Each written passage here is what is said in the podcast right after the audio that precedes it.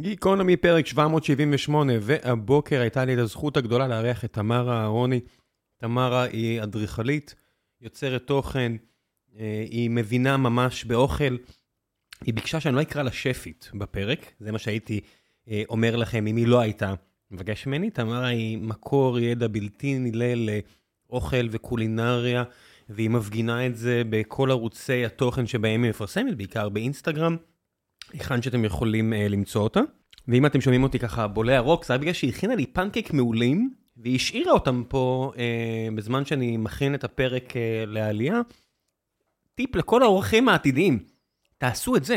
תביאו פנקייקים מעולים עם כל מיני תוספות ותשאירו את זה פה. יופי של דבר, לא באמת אורחים עתידיים, אתם לא צריכים לעשות את זה, אבל כל הכבוד תמרה, זה בהחלט תוספת מעולה, you the best. דיברנו מן הסתם גם על איך זה לגדול כבת לאחד מהשפים הכי מוכרים בתולדות המדינה הזו, פחות או יותר, ישראל אהרוני, שגם התארח בגיקונומי לפני אה, לא מעט שנים, ועל כל מיני נושאים אחרים.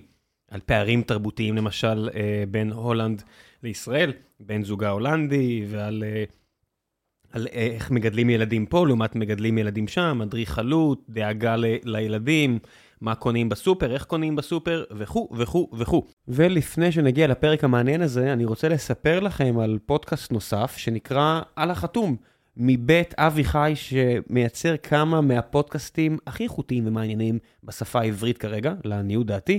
לצורך העניין, בפודקאסט הספציפי הזה, על החתום, הם מתרכזים במכתבים הכי מסקרנים בהיסטוריה, כשהמנחה היא ליעד מודריק, ויש שם כל מיני דמויות מעניינות כמו לאה גולדברג ואלברט איינשטיין ונתן אלתרמן, והפודקאסט הזה הוא פשוט פנינה של דבר. באמת פנינה, פנינה, פנינה. כל פרק מזמין אתכם להציץ לתיבת הדואר של דמות אחת.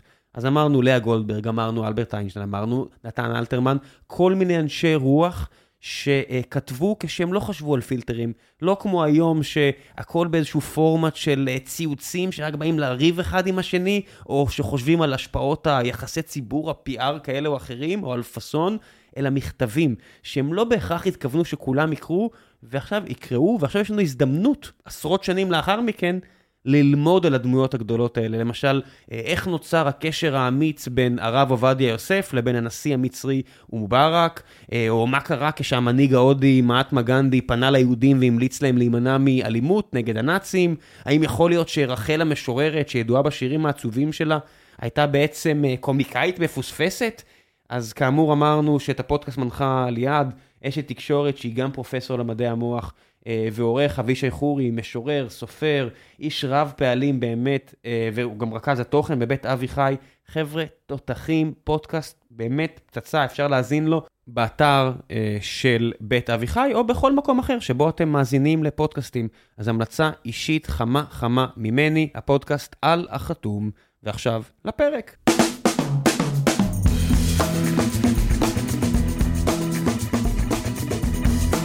גיקונומי, פרק 778, והבוקר יש לי את הזכות הגדולה לארח את תמרה אהרוני, אדריכלית, שפית ויוצרת תוכן בסדר הזה, כי זה הערכה שלי. נכון, למרות שאני לא קוראת לעצמי שפית אף פעם.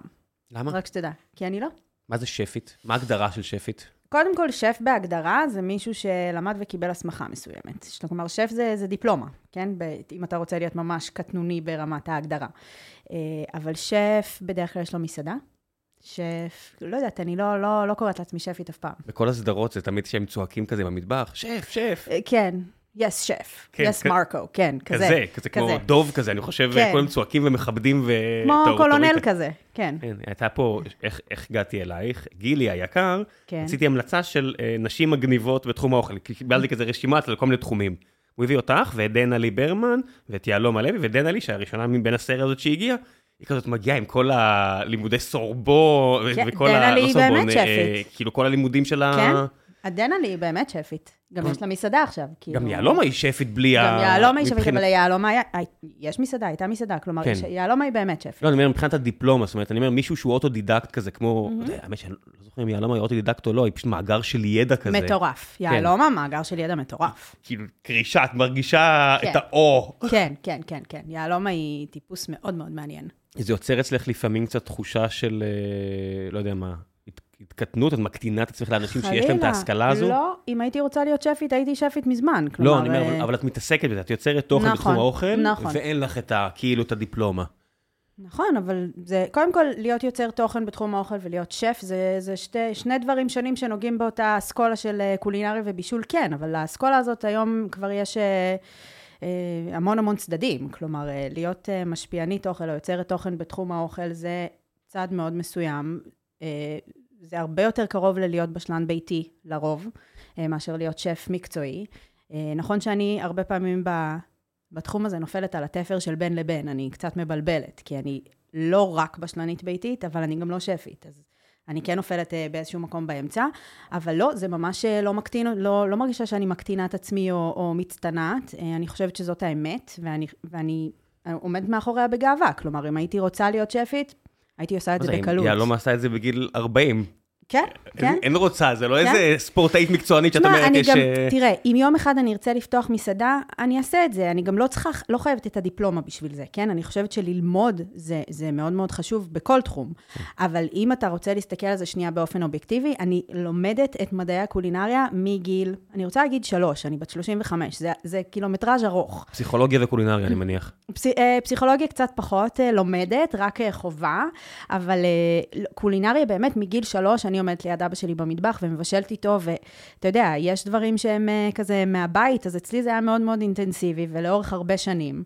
אה, יש לי קילומטראז'. אה, רגע, לפני שאני שואל שאלה הבאה, כן. אני מתקן קרדון בלו ולא סרבון, אני בטוח שיש אנשים שעכשיו כזה רושמים את. בטוקבק כזה, למה הוא עושה את הטעות? אמרתי, שנייה, אני אתקן עכשיו בראש שלי, חזרתי שנייה אחורה, אז קרדון בלו ולא סרבון, אה, אבל כן. עכשיו כאילו, עכשיו שאת ב-35, את חוזרת אחורה וכזה אומרת, אבא, מה הקטע עם החמאה? מספיק, שמן זית, מה יש לך? אני לא צריכה להגיד לו, אתה יודע שהוא עשה את זה לבד באיזשהו שלב. כן, כן, הוא היה פה לפני איזה 6-7 שנים, והוא סיפר על כן. כל מיני שינויים שהוא חווה. כן, כן. אה, אבא שלי, כשאני הייתי ילדה, היה מבשל מאוד מאוד צרפתי, כלומר המון המון חמאה, מאוד מאוד שמן, שמנת, כאילו בלי חשבון בכלל. אה, והיה איזשהו רגע, הוא גם היה מאוד מאוד שמן, אחרי זה הוא אה, רזה. אה, ואני חושבת שזה עשה לו גם איזה שיפט, והוא כאילו הבין שלא חייבים כל כך הרבה חמאה בשביל לבשל טעים, ושבעצם שמן זית זה נהדר, וכאילו הוא הגיע למקום קצת יותר אה, שפוי, נקרא לזה. זה לא שהוא לא מבשל עם חמאה, או זה לא שהוא לא מדי פעם מכין אה, דברים מושחתים ושמנים וצרפתיים והכול. אבל ביום-יום של הבישול שלנו בבית זה לא ככה. היה, היה כזה תקופה, בערך בתקופה שהוא היה כאן, שהיה את כל הפליאוליתים והכל, שניסו לדחוף אוכל, כאילו הרבה שומן לכל כן, מקום. עדיין יש, קיטו, פליאו, זה דיאטות זה, זה מרגיש מאוד... שזה קצת אה, ירד בפופולריות שלו, אה, גם בציבוריות נקרא לזה. אני אבל- חושבת ש...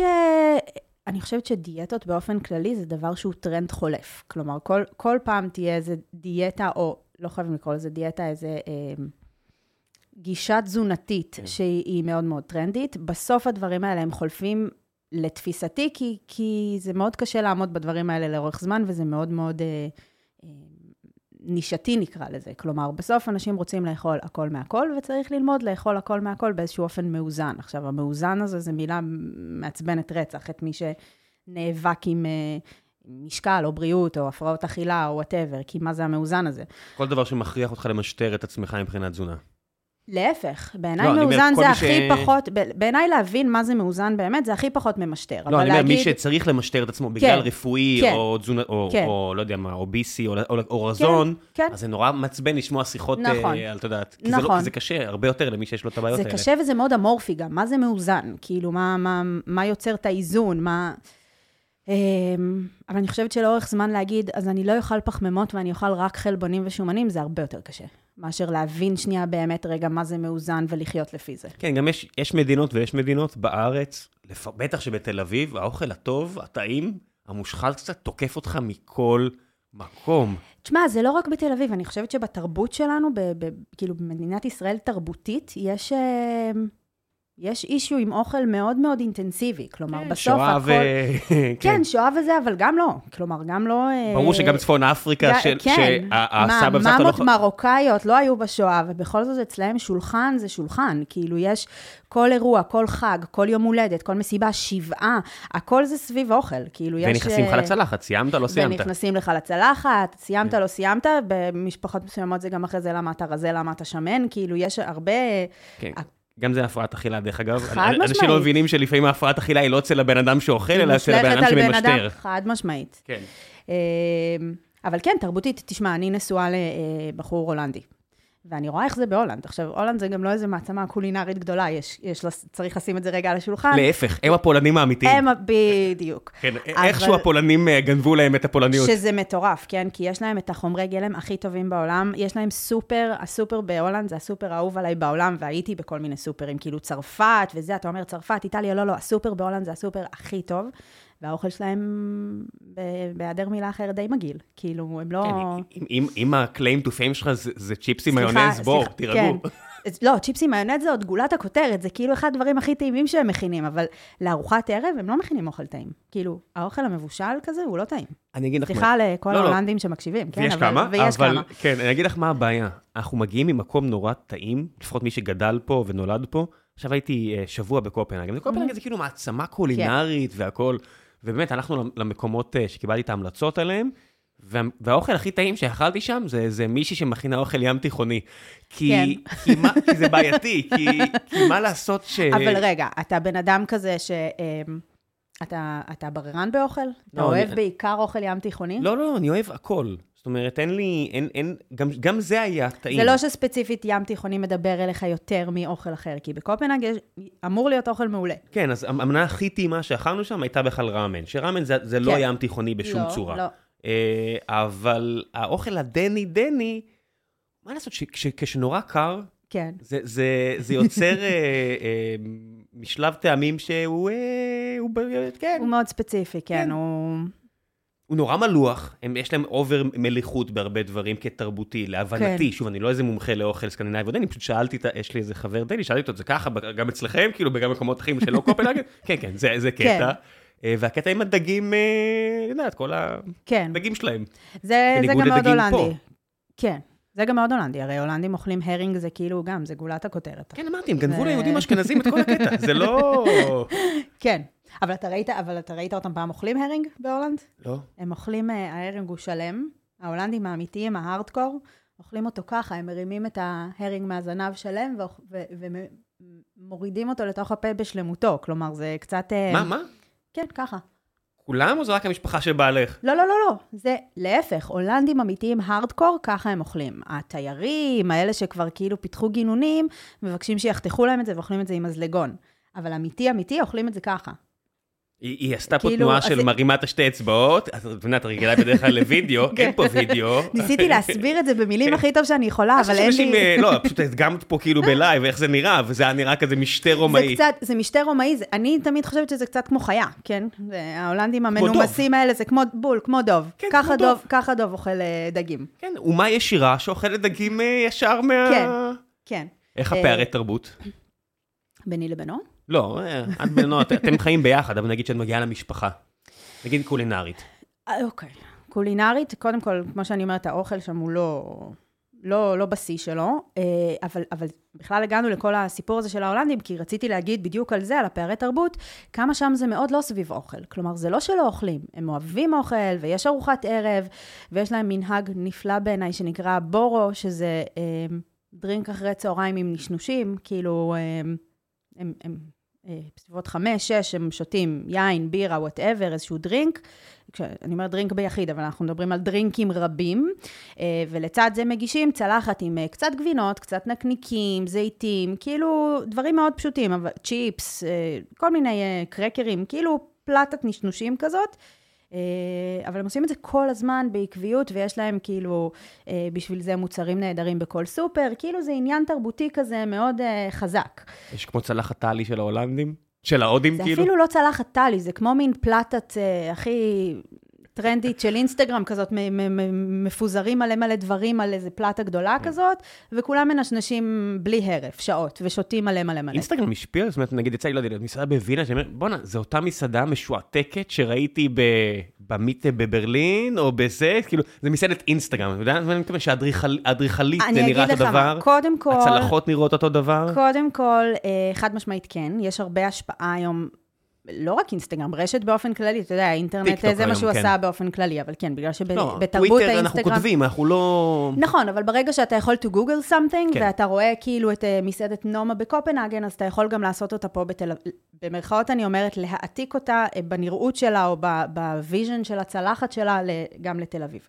אה, אין ספק שתרבות האינסטגרם הפציצה את הדבר הזה והגדילה אותו משמעותית, גם כי אוכל באינסטגרם זה צעד מאוד מאוד חזק, שזה תוכן מאוד מאוד נצרך ומאוד מאוד חזק, גם כי זה מאוד מאוד ויזואלית, כמו שאתה אומר, טוויטר זה פחות ויזואלי, אינסטגרם זה מאוד מאוד ויזואלי, אה, וגם כי, כי אנ- אנשים, מסעדות, אה, כל מיני מוסדות קול- קולינריים, או אה, אנשים שמתעסקים בתחום, הפכו להיות פתאום סטארים. אז, אז כן, אפשר בהחלט לראות אה, גם...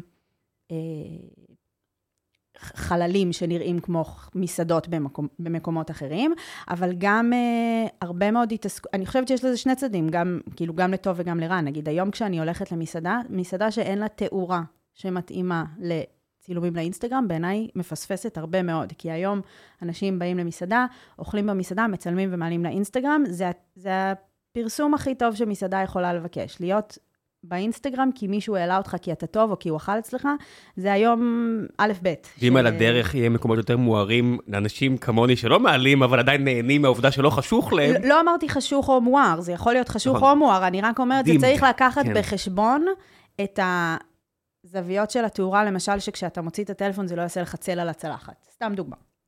אוקיי, זה משהו שבאמת חושבים עליו? אני חושבת שזה משהו שצריכים לחשוב עליו. כאדריכלית, שיש מק- כיווני תאורה, זה כאדריכ- משהו שהיה לך כאילו בלימודים וכאלה? כן, קודם כל יש קורס תאורה שלם. יש קורס תאורה, יש קורס מיזוג, יש קורס אקוסטיקה, יש כל מיני קורסים בלימודי אבל אדריכלות. כשהיה תאורה, הרבה פעמים, אני מניח, לא יודע, 20 שנה אחורה, זה היה איזה חללים יהיו מוארים יותר ופחות, נכון. ולא איזה צל ישיר, זאת אומרת, הזוויות היו אה, יותר אה, אופקיות מאשר אנכיות, אני נכון, מניח. נכון, אבל, אבל אני אומרת, הדברים משתנים עם, עם, ה- עם רוח התקופה, נקרא לזה, אה, ואין ספק שאינסטגרם היום זה כלי מאוד מאוד חזק שיווקית, כלומר, קודם כל נתחיל בזה שאני חושבת שעסק, כל עסק, חייב שיהיה לו דף אינסטגרם. היום כשאני מחפשת כל דבר, אני נכנסת לאינסטגרם, לראות- זה כמו כרטיס ביקור מבחינתי. אני נכנסת פנינה לאינסטגרם לראות מה קורה שם. אמ, לא רק בתחום האוכל, באופן כללי. אה, מישהי אמרה לי על, לא יודעת, אה, חנות בגדים שאני חייבת ללכת כי יש שם איזה שמלה נורא יפה. אני גם ויזואלי. מאוד. כן, זה גם כן. ויזואלי מאוד. אבל גם, אתה יודע, בסוף, אה, אני מנסה לחשוב על משהו שהוא לא ויזואלי. לא, לא יודעת אם אני אכנס לאינסטגרם של הרואה חשבון שאני רוצה לעבור אליו, אבל, אבל כן, אני, יכול להיות מרתק. זה יכול קל- להיות מרתק. קלסרים. האמת, האמת, שאם יש מישהו שמצליח להרים עמוד אינסטגרם מגניב רצח לרואה חשבון, אז כן, אז אני ארצה ללכת לרואה, לרואה חשבון הזה. זה, זה, יש, יש פה איזה יכולת רון, אם מרשימה. אתה מקשיב עכשיו, אל אל תקשיב לה, תתרכז במה שאתה עושה, אל תש- אל רון, אל אם תתפזר, אתה, אם אל אתה תתפזר. מקשיב, תפנה אליי, יש לי מישהי להמליץ לך, היא תעשה לך אל יופי של תתפזר, דף. בן אדם, אל תתפזר, תהיה מרוכז, עיניים על הכדור. דוח 22 נשלח, תתקדם, בוא נתקדם הלאה. אמ, אבל לשאלתך, כן, אני חושבת שהיום מי שפותח, אה, בטח, בטח מסעדה או, או בר או משהו מה, מהתחום הזה, צריך לקחת בחשבון גם את זה שיצלמו אצלו. עכשיו, אני רק רוצה להגיד משהו מאוד מאוד ברור. זה לא הדבר הכי חשוב, כן? כי כן. אתה בסוף גם מגיע היום הרבה למקומות שאתה רואה איך אה, מה שהיה להם חשוב זה השופוני של מסביב. זה הנראות, זה הצלחות, זה הצילום, אה, שיראה מאוד אינסטגרמי, ובסוף האוכל הוא לא טעים. אז, אז לא. האוכל, דבר ראשון, צריך להיות טעים, וחוויית השירות וחוויית הלקוח צריכה להיות מצוינת. אבל בשביל שהיא, בשביל שהיא תהיה top, שהיא תהיה אקסטרה מצוינת, וגם בשביל שהעסק בסוף ירוויח מזה, בעיניי צריך לחשוב על, ה, על הדברים הקטנים האלה. העבודה שאת אדריכלית אה, דפקה לך את החוויה של המסעדות, או הגבירה אותה? כאילו, את נכנסת ועכשיו... זו שאלה מעניינת. אה, אני חושבת שהיא הגבירה אותה. כן? אני מאוד מסתקרנת מחללים מסחריים גדולים, תעשייתיים, מסעדות, גם מפעלים נגיד, אני מאוד אוהבת ללכת למפעלים. זה, זה... כאילו, בית רומנו זה זה top. בית רומנו זה חירפן אותי, אני בכלל, הפרויקט גמר שלי היה לקריית המלאכה, אתה מכיר את קריית כן. המלאכה? זה, זה היה המקום שאני הייתי כאילו, אני, א- א- איך, איך אני הופכת את זה לשלי? אני רוצה את כל הדבר הזה. זה זה מדהים ברמה זה בינלאומית. מקום מטורף בעיניי. כן, לפחות לעניות אתה יודע, אני... אני לא מכיר מספיק, אז אני לא אגיד לעניות דעתי, כי זה יהיה... אני ראיתי, יצא לי לראות קצת, אבל זה באמת מגניב לאללה. מגניב רצח. וכשאתה, אני, המנחה שלי בפרויקט גמר הוא אה, אדריכל שאחד המומחים הגדולים בארץ לשימור. אז כל, ה, כל הפרויקט גמר היה מתוך איזושהי אה, ראייה שהיא גם קצת שימורית. כלומר, אה, מההבנה ש... המקום הזה יש לו איזשהו ייחוד שצריך לשמור עליו, זה לאו דווקא שימור אה, פיזי של החומר, אבל להבין מה הערכים של המקום שאותם בעיניי חשוב לשמר. לא כולם היו אה, הצורה של המבנה לצורך העניין. כן, לפעמים זה קצת אה, קרינג'. אז עכשיו שהייתי בקופנהגן, היינו באזור, ביום האחרון של ה meatpacking area, כן. והמלון שבו היינו לפני הטיסה, היינו שם בדרך כלל בדירות ולא במלון, אבל המלון האחרון, הם ממש זרמו על ה meatpacking area, והכל זה כזה עם טקסטורות של בשר, והאלה של המשקלים. אה, וואו. אוקיי, זה קצת קרינג'. מה זה טקסטורות של בשר? או, טקסטורות של בשר. אני יכול, אני, אני, אם זה היה וידאו, אז הייתי... visual textures of meat, כאילו נראה כן, כמו בשר. הטפטים, אה, וואו, וכאילו לא. מלון בר גבוה. עכשיו, כשאתה- מגיע למלון בר גבוה ואתה מתפזר, אתה אומר, כן. אוקיי, אני לא רוצה לראות וו של, לא. אה, של המשקל של הבשר כן. כקישוט. וו של הבשר כקישוט אני דווקא יכולה לזרום על זה, אבל כאילו טפטים בטקסטורה של בשר, אז לא. נכון? זה- קצת מוזר. זה מוזר מאוד, זה גם מרגיש מאוד גימיקי וכאילו... אז פתחתי את זה עם איזה אחד מעובדי המלון, והם- והוא, קצת דיברנו על זה, והוא אמר שבניגוד ל... להרבה מקומות אחרים, הם ממש חשים גאווה מחקלאות ותעשייה. בסדר גמור, אמרתי, זה, אוקיי, ד- זה מלון. זה דבר לא- נהדר אתה לא מארח לחוש פה דני. אתה מארח אותי. כן. דנים, כאילו, אני בטוח שמגיעים פחות. לא, גם דנים, אבל זה מעולה לחוש גאווה כלפי אה, חקלאות ותעשייה. אתה חוש אבל- גאווה בבית. לא, לא, אבל צריך גם זה. משם ועד לשים טפטים בטקסטורה של כן. בשר, זה כאילו... אפשר לחוש גאווה לגבי הרבה דברים, וגם לתת להם כבוד. אני לא בטוחה שזה אפילו נותן כבוד לזה שזה היה מיטפקינג. זה לא, מין זה פרה שמתה, בן. אדם, זה חזיר שמת, מה יש לכם? זה גם כאילו... מה... ו- ואני, אומר- ואני מבין שאני אומר את זה כנגד האומה עם הארכיטקטורה הכי מוצלחת, באמת, אתה מסתובב שם ואתה אומר, אני לא ראוי, אתם נורא יפה פה, התחנת כוח הזאת יותר יפה כן. מרוב מרכז תל אביב. כן. באמת, כל הכבוד לכם, סחטיין, באמת. רק מה הקטע עם הזה? כן. Uh, תשמע, יכול להיות שזה גם קצת אלמנט של to shock you, כאילו, אתה יודע, בתחושתי אני חושב שזה בצפון גם קצת אירופה שם, האינסטגרם. הרושם שלי היה, כי זה היה גם שזה מאוד אה, אינסטגרמי כן, ומצטלם. שאנשים רוצים להצטלם עם הרקע של זה, כן. ואז שוב יש את העניין של השיווק חינם. העולם של השיווק, אפשר לזלזל בו כמה שרוצים, אבל הוא מה שעושה את ההבדל בין עסק צומח, עסק לא צומח. לבין עסק שמדמם כסף אני- כי הוא שופך אני כסף על ה... חושבת שמי שמזלזל בעניין השיווק עושה טעות. אפשר לא, לזלזל, הוא אבל אני פשוט חושבת נכשל, שזה... ואז הוא עובר להיות עמדת הפרשן ויכול לזלזל כן. כמה שהוא רוצה.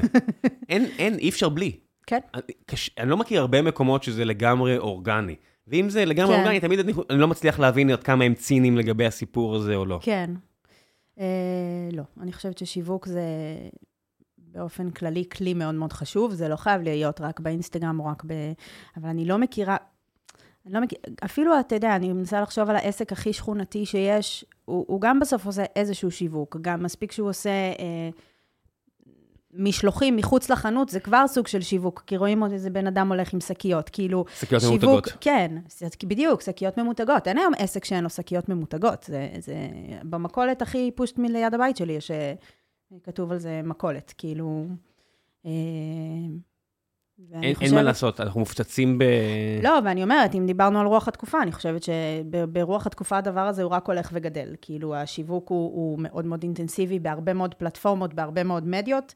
אה, לא חייבים לקחת את כולם ולא חייבים להיות בטופ של השיווק כל הזמן, אבל איזשהו מינימום של שיווק זה, זה מי. העסקים בארץ שאת מעריכה, העסקים הקולינריים, בוא נתחיל שאת מעריכה את איך שהם משווקים את עצמם? שזה לא cheapy cheap, וזה גם לא מתאמץ, Mm. וזה לא... שאלה יפה. בואו, אני צריכה לחשוב על לפרגן זה תמיד רגע. כיף. אה, בניגוד לפרגן תמיד אה, כיף, חד משמעית. זה ברור שאתה תשאל אותי, ואז כאילו יהיה לי blackout, אני לא יכולה לחשוב אפילו שם של עסק קולינרי, מרוב שאני כאילו לא יודעת מה נחשפתי להגיד לך לאחרונה עכשיו. לכל מיני כאלה בטיקטוק, שיש... אין לי טיקטוק. טוב מאוד, כי זה קראק. כי זה קראק, אני צריך לעבוד איתם, אז, אז יש לי את האפליקציה, אני אנסה לא להיכנס אליה, אבל אני נחשף דווקא דרך כן. טוויטר, אנשים שצוחקים על, כן, ו... אה, אוקיי, זה כאילו, זה היקום של צבי הנינג'ה, שצומח פה בתוך ה mobile שלכם, כן, כן. וזה fucked up בעליל. בעליל יש כל מיני ז'אנרים והכל, אני אומר, מה קורה פה? זה לא יכול להיות שזה עובד. ואז כן. איזה בחור עם שווארמיה סוגר כאילו מחזורים של בנק פועלים, כן. כי עבד לו הקטע, ו... כן. זה מטורף. זה, כן. זה, זה מטורף וזה גם, אמ,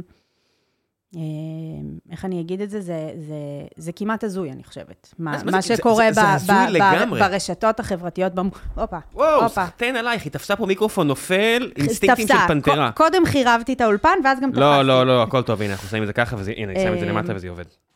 אני אומרת, אה, אה, מי שטיפה יודע איך הדברים האלה עובדים, וחשוף לעולמות האלה של אה, אה, שיווק ברשתות חברתיות. זה בעצם עולם מטורף מאוד. אה, אני במקרה גם הייתי לפני שבועיים באיזושהי הרצאה אה, שדיברה על כלכלת משפיענים ועל שיווק ברשתות, ואפילו בשבילי, שאני מתעסקת בזה כבר כמה שנים, וזה עיקר העיסוק שלי, אה, הופתעתי מאוד לשמוע את המספרים, למשל. לא, לא, okay. אוקיי. בסדר.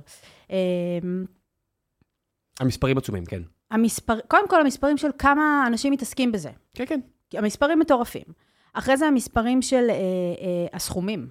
גם בארץ, גם בעולם, כלומר, אה, פילחו לנו את זה כל פעם בארץ לעומת העולם, אבל הסכומים הם מטורפים. אה, מתוך זה מעניין לדעת שהיוצר תוכן בסופו של דבר מקבל כ-3% מתקציב ה... כלומר, רק 3% מתקציב השיווק המטורף אה, בכלכלת משפיענים מגיע באמת למשפיען, שזה גם דבר מעניין לדעת.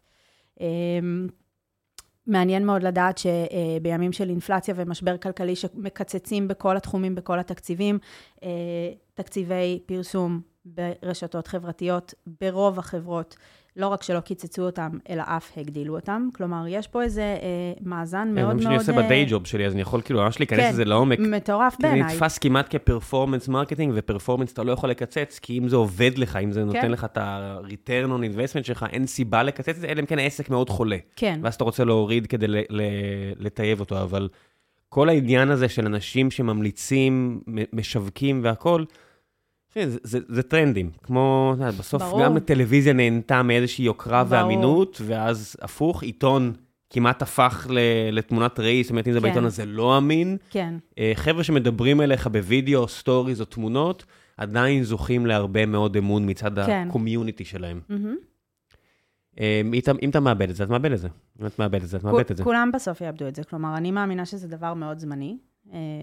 זה אחת החרדות הגדולות שלי בחיים כרגע. עד כמה זה יושב עלייך, המספרים? מאוד. יושב עליי מאוד.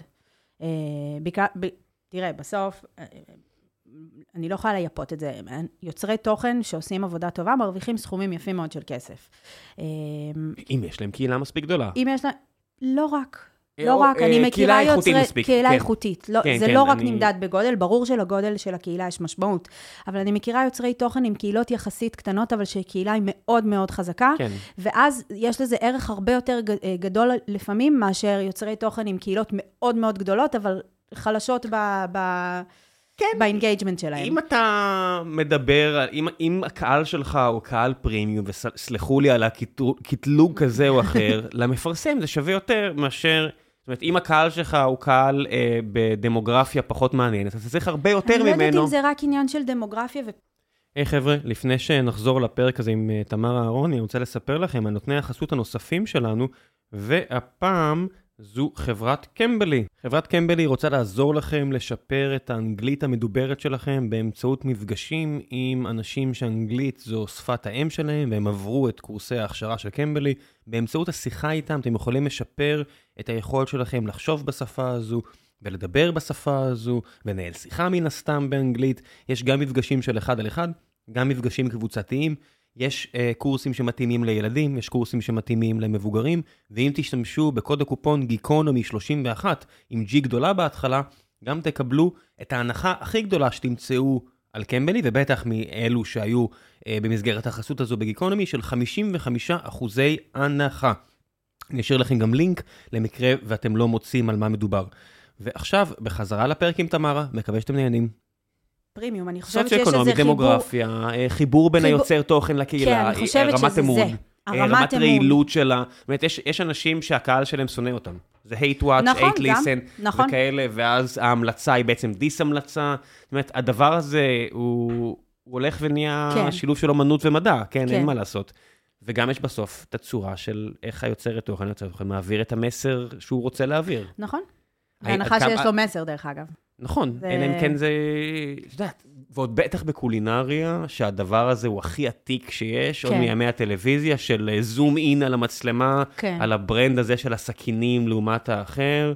בסדר, זה אבל כבר אה, אה, גישה של איך אתה משווק דבר, ואני חושבת שפה יש אה, אה, יוצרי תוכן שעושים את זה ביצירתיות וחדשנות בצורה מדהימה. אה, מי שבדרך כלל אה, צריך ככה נקרא לזה, לרענן לו את ה-vision לגבי הפרסום של המוצר, זה בדרך כלל דווקא המנהלות שיווק. מנהלות שיווק מגיעות לא תמיד ממקומות של רשתות חברתיות, הן בדרך כלל יש להן, השיווק אצלהן הוא, הוא על כמה מדיות, על כמה פלטפורמות הן גם משווקות בדרך כלל בעיתונים, באתרים, בטלוויזיות, בוואטאבר, ולא תמיד ההבנה שלהן של... שיווק ברשתות חברתיות היא ספציפית לרשתות חברתיות, כי השיווק ברשתות חברתיות עובד אחרת מאשר בכל פלטפורמה אחרת. אה, ולפעמים צריך להזכיר להם שדווקא לדחוף את המוצר כמה שיותר פעמים בסרטון, זאת לא בהכרח הדרך הנכונה, או להגיד... או אפילו בהכרח לא. בהכרח לא. אה, או, או, או לשים את המוצר בכל פריים, לצלם את המוצר באיזה אופן מאוד מלאכותי ולא באופן אורגני, כמו שבאמת היית משתמש בו במתכון. או... זה, זה תהליך שצריך לעבור לפעמים עם, אה, עם הלקוח בעצם, מישהו הלקוח שלך. זה מכריח אותך כזה להיכנס לתפיסה תודעתית, ל-mindset. חיפשתי את המילה בעברית, אה, שיהיה לי, שלא יגיד לי שאני יותר מדי בלעז. אה, של מה יביא לי עכשיו יותר אה, רייטינג, כי הבטחתי למפרסם שיהיה לו לפחות ככה וככה? זה לא שאלה של רייטינג מבחינתי, כלומר, אני לא חושבת על מה יביא לי יותר צפיות, ואולי אני עושה טעות שאני לא, כאילו, מה אולי... היית עושה אחרת? נניח והיית רוצה להיות צינית, מה היית עושה? זה לא, זה, אני כשאני מקבלת אה, בריף מלקוח, ואני חושבת מה, איך, מה אני רוצה לעשות איתו ואיך אני אצלם, זה אה, איך אני אעשה את זה בצורה שהיא אמיתית כלפי. כלפי הקהל שלי, כלפי, ה, כלפי הקהילה. אה, אני לא אכין בחיים מתכון שאני לא הייתי רוצה לאכול אותו, או מתכון שלא אה, אה, הייתי מכינה אותו באופן ספציפי כזה בבית. אני לא אשתמש בחיים במוצר אתה יודע, בסוף זה הכל כסף, אני יכולה לקחת כמה, כמה מוצרים שאני רוצה מכל... אבל יש מוצרים שאני באמת באמת לא מאמינה בהם ולא משתמשת בהם בבית, אני לא אקח אותם. מה זה אומר מוצר שאת לא מאמינה בו? אני לא משתמשת באבקת מרק, אוקיי? אז יכולים להציע לי... גם אבא שלך אמר את זה. אני... הוא גם דיבר על זה, זה משהו שיש לכם קטע עם אבקת מרק. כנראה זה עובר בגנים. כן. אה, אני לא משתמשת באבקות מרק. אז גם אם יציעו לי בתשלום לפרסם אבקת מרק ויגידו לי, מה אכפת לך? אז אכפת לי. אני לא יכולה, אני לא מאמינה במוצר. בריאותית? מבחינת טעם? לא, לא בריאותית, כי יש אבקות מרק שהן בסדר בריאותית. אני כן. פשוט, לתחושתי, כשאתה מוסיף אבקת מרק לתבשיל, אז להכל יש את אותו טעם. להכל יש טעם של אבקת מרק. זה טעם נורא דומיננטי. זה טעם נורא דומיננטי. אה, בעיניי הוא גם לא כל כך טעים. אני יודעת שיש הרבה אנשים שגדלו על הכף אבקת מרק עוף הזאת בכל תבשיל. אה, אבל זה הקטע, זה כאילו... אה, מיישר את כל החייך, זה כאילו יש, להכל יש טעם שטוח, הכל נהיה פלט.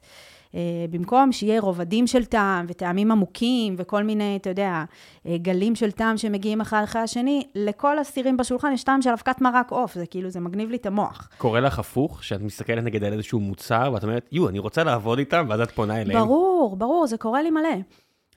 מי נגיד המותגים שאת הכי אוהבת שאוהבים אותך? איפה יש מערכת יחסים אה, מוצלחת? תזרקי להם גם פה. אה, אני חייבת להגיד שמותגים שאני אוהבת לעבוד איתם זה לאו דווקא כי אני הכי אוהבת, כי המוצר שלהם הוא המוצר שאני הכי אוהבת. אלא אה, זה תמיד קם ונופל על יחסי אנוש. לעבוד עם אה, לקוח שנעים לעבוד איתו, זה מבחינתי הכי חשוב. ואז, אתה יודע, אני עושה בשבילם את האקסטרות והם עושים בשבילי את האקסטרות, זה תמיד, אה, זה תמיד קם ונופל על זה מבחינתי. היו, היו לי בעבר גם לקוחות אה, שהמוצר שלהם היה נהדר, אבל היחסי העבודה איתם היו מאוד מאוד קשים, ואחרי... אה, פיטרת אותם כלקוח? אה, תראה, לא תמיד אפשר לפטר, כי בסוף אני עובדת תמיד בחוזים, ולא תמיד אנשים מוכנים להשתחרר מחוזה. איך נראה חוזה של uh, יוצרת תוכן uh, קולינרית? Uh, זה יכול לראות בכל מיני דרכים. זה יכולה להיות הצעת מחיר חתומה, שהיא מבחינתי חוזה לכל דבר. שמה, הצ... ל-X סטוריז אה, וכאלה? כן, אתה מקבל איזשהו בריף. אה, לי יש מוצר חדש, לא יודעת, אה, פסטה מסוימת, אה, ואני רוצה, זה יכול להיות... עבודה חד פעמית, אני רוצה סטורי אחד וריל אחד, תני לי הצעת מחיר. זה יכול להיות אה, חוזה שהוא ארוך טווח, כלומר, אני רוצה שש פעימות במהלך השנה, או אני רוצה חוזה שנתי עכשיו, שכל חודש את מפרסמת איקס פעמים. אה, זה יכול לעבוד בכל מיני דרכים. אה, אני שולחת הצעת מחיר אה, די מפורטת, שאני כותבת, בגלל שהצעת מחיר, לא תמיד אנחנו מגיעים לחוזה מפורט, ההצעת מחיר החתומה היא מבחינתי uh, מסמך מחייב כמו חוזה, אז אני משתדלת שיהיו מפורטים בהרבה מאוד דברים, כדי שאחר כך לא יהיה אי-הבנות וטענות ביני לבין בין הלקוח. את מתחייבת על איקס אה, צפיות? חשיפות? לרוב לא. אה, אני לא מאמינה בזה. אם יש לקוח שזה מאוד חשוב לו, אז אני אעשה את זה. כל מי שנמצא בפלטפורמה הזאת קצת, יודע שהאלגוריתם הוא, הוא מאוד מאוד... אה, חמקמק כזה, כלומר, מספיק שמרק צוקרברג קם בבוקר ומחליט לעשות איזה שינוי בפלטפורמה, וזה משפיע מאוד מאוד על האלגוריתם, לפעמים זה פתאום מפציץ את הצפיות ומקפיץ אותם גבוה, לפעמים מאוד מאוד נמוכות בגלל זה.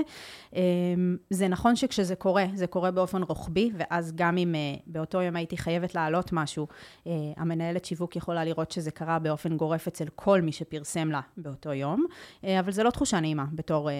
בתור נותנת שירות, אני רוצה לתת ללקוחות שלי. הבאת פה מלא קרדיט לאנשים שעוסקים במקצוע הזה. למה? כי אני עושה את זה מספיק שנים, גם את זה שמונה שנים, וגם אה, עובד בזה באמת אה, בסקייל נורא גדול בינלאומי. אה, מה? אנשים שזה העבודה שלהם, הם קמים בבוקר, הם רוצים את המספר, הם צריכים להכין את המצגת הלאה. זה לא. נחמד שבאותו יום זה, אבל הם לא יתחילו לעשות קוויאטים אה, בשמך. זאת אומרת, לא, ברור שלא. אם רוצים אומרת... להציג עד כמה זה היה אפקטיבי, והם ציפו ל-50 אלף אימפרשנס וקיבלו 25, זה לא שהם יגידו בכוכבית, רק שתדעו שבאותו לא, יום כולם אה, לא, נחתכו בחצי. לא, אבל כשהם, אבל הם הרי... בינך לבינה, לבינה, או בינך לבינו, אז כן, זה יכול להיות. לא, אני, אני בכלל מדברת על זה מכיוון אחר. אני אומרת, בסוף כשיושבת מנהלת שיווק וצריכה לעשות איזה מצגת של כן. הדבר הזה, הרי נדיר שקמפיין אה, שיווקי כזה הוא קם ונופל על בן אדם אחד. זה לא שאני היוצרת תוכן היחידה שמפרסמת היום את הפסטה הזאת. יש בין, אה, לא יודעת, 5 ל-15 ל-200, שמפרסמים כנראה באותו שבוע. בוא נגיד שאם זה קרה, שכולם שמעו עלייך, כנראה שמשהו מאוד רע. כאילו, למה היא הייתה חייבת להביע את דעתה על ג'ינג'ים דווקא בפרסומת שלנו? ביקשנו ממנה לא להיכנס לשם.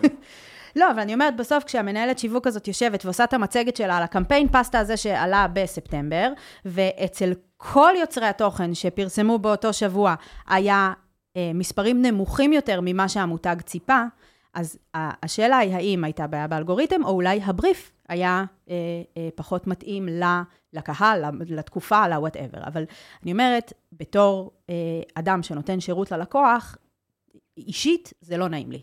אה, לדעת שלא עמדתי באיזשהם יעדים שהצבנו. המדיה מתאימה לך מאוד, זאת אומרת, העובדה שזה לא, המעבר הזה מתמונות שנשארות לעד באיזשהו mm-hmm. פיד אה, ארכיוני לסטוריז, שגם אם נשארים, הם הרבה פחות בפנים, ועוד mm-hmm. אפשר כאילו שהם לא יישארו. כן. זאת אומרת, זה, נראה לי זה מאוד נחמד מהבחינה הזו.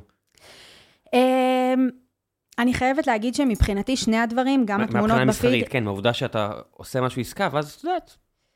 Uh, לא, אם, אם אתה שואל מהבחינה המסחרית, אז מבחינה מסחרית מבחינתי זה, הדברים נלקחים באותה רצינות. לא, לא, לא, לא רציני יותר או פחות, אני יודע, אפילו בהרגשה אישית של... כן, אבל גם לצד השני, אתה אומר, בסוף השקעתי נורא על איזה מתכון או על איזה דבר, והוא נשאר שם ל-24 שעות ומתפייד מהעולם, זה כאילו, כן. גם בזה יש איזשהו... אה... אני לא אוהב את זה. אני, אני, אני לא אוהב את ההרגשה שעשיתי משהו והוא נעלם. כן, נכון. בסוף אה, אני עובדת על כל סרטון כזה או על כל מתכון הזה, אני עובדת עליו. זה לפתח את המתכון, לצלם אותו, לערוך אותו, כן. לזה, יש, יש הרבה דברים סביב הדבר. אמ, בגלל זה אני אוהבת, אני הרבה פעמים עובדת בשיטה שהיא חופפת. כלומר, בין מה שנשאר בפיד למה שעולה לסטורי, יש איזושהי חפיפה, זה לא אחד לאחד, אבל יש כן אה, עריכה שונה על אותו סרטון, או כאילו משהו כזה, ואז חלק מזה תמיד נשאר גם בפיד. אה, אני לרוב לא לוקחת אה, עבודות שמבקשים רק סטורי, אה, כי אני חושבת שזה... זה, זה באיזשהו מקום לא מכבד את ה... לא את המוצר, לא את המתכון, לא, אלא אם כן זה משהו שהוא מאוד מאוד... אה, אה, נקרא לזה, נגיד, רחוק מעולמות התוכן שלי, או משהו שהוא... למה? מה רע ב... אני לא, אני לא מספיק אה, בהוואי האינסטגרמי, אבל מה רע בסטורי? אני חושבת שבסוף אם בא אליי לקוח ואומר לי, יש לי אה, מוצר חדש, פסטה לצורך העניין, אני צריך שתעשי לו איזשהו שיווק, אה, ואני אעלה את זה רק בסטורי, ואחרי זה זה יתפייד מהעולם, ולאנשים לא יהיה את המתכון, אז, אז איבדנו הרבה מהערך של זה. כלומר, כן. אני כיוצרת תוכן השקעתי הרבה, עשיתי מתכון, צילמתי סרטון, ערכתי אותו וכו' וכו' וכו', ובסוף הלקוח, אה, אה, אה, לא הלקוח, הקהל, יבוא וירצה להכין את המתכון ולראות את הסרטון, וזה לא שם יותר, אז פספסנו הרבה. מה לגבי שיתופי פעולה? זה, מה, זה משהו מה הכוונה? יש... כי אם את מביאה עכשיו, הכי, הכי בנאלי, אני לא אגיד אבא שלך, okay. אבל אוקיי. הכי בנאלי, את סטטיק, עושה איתך אוקיי. מתכון, את לא יודע מה. אחי, אתה יודע, זה מביא רייטינג. מעולה. כי שני הקהלים מתחברים. מעולה. זה משהו שתמיד יושב לך בראש?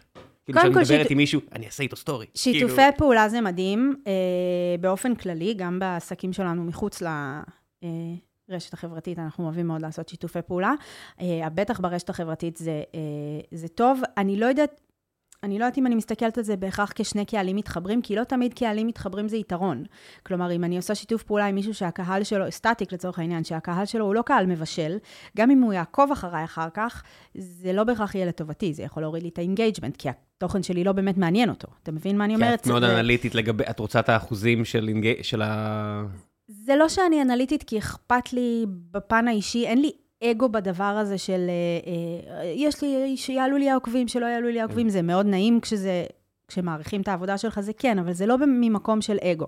אבל כן, כמו שאתה אומר, כשאתה רוצה לתת מספרים בסוף, אתה צריך שה-engagement שלך יהיו טובים, וברגע שזה העסק שלי ומזה אני מרוויחה כסף, אז זה חשוב. יש תגובות רעות? מלא. באמת? כן. גם אתה, בקולינרי? אתה לא מאמין. קודם כל, זה לא רק בקולינרי, כי בסוף, אה, בשביל להיות יוצר תוכן, אתה לא יכול רק להעלות מתכונים. זה חייב להיות בזה גם איזשהו פן אישי וחשיפה של החיים האישיים, כל אחד והגבול שלו עד איפה הוא חושף. מה אבל... היה חוויות רעות מהבחינה הזו? חוויות נוראיות. באמת נוראיות. אנשים... אה, עצם העובדה שזה ב-visual, ולא נגיד בכתב או באודיו כמו שאני אוהב, כן.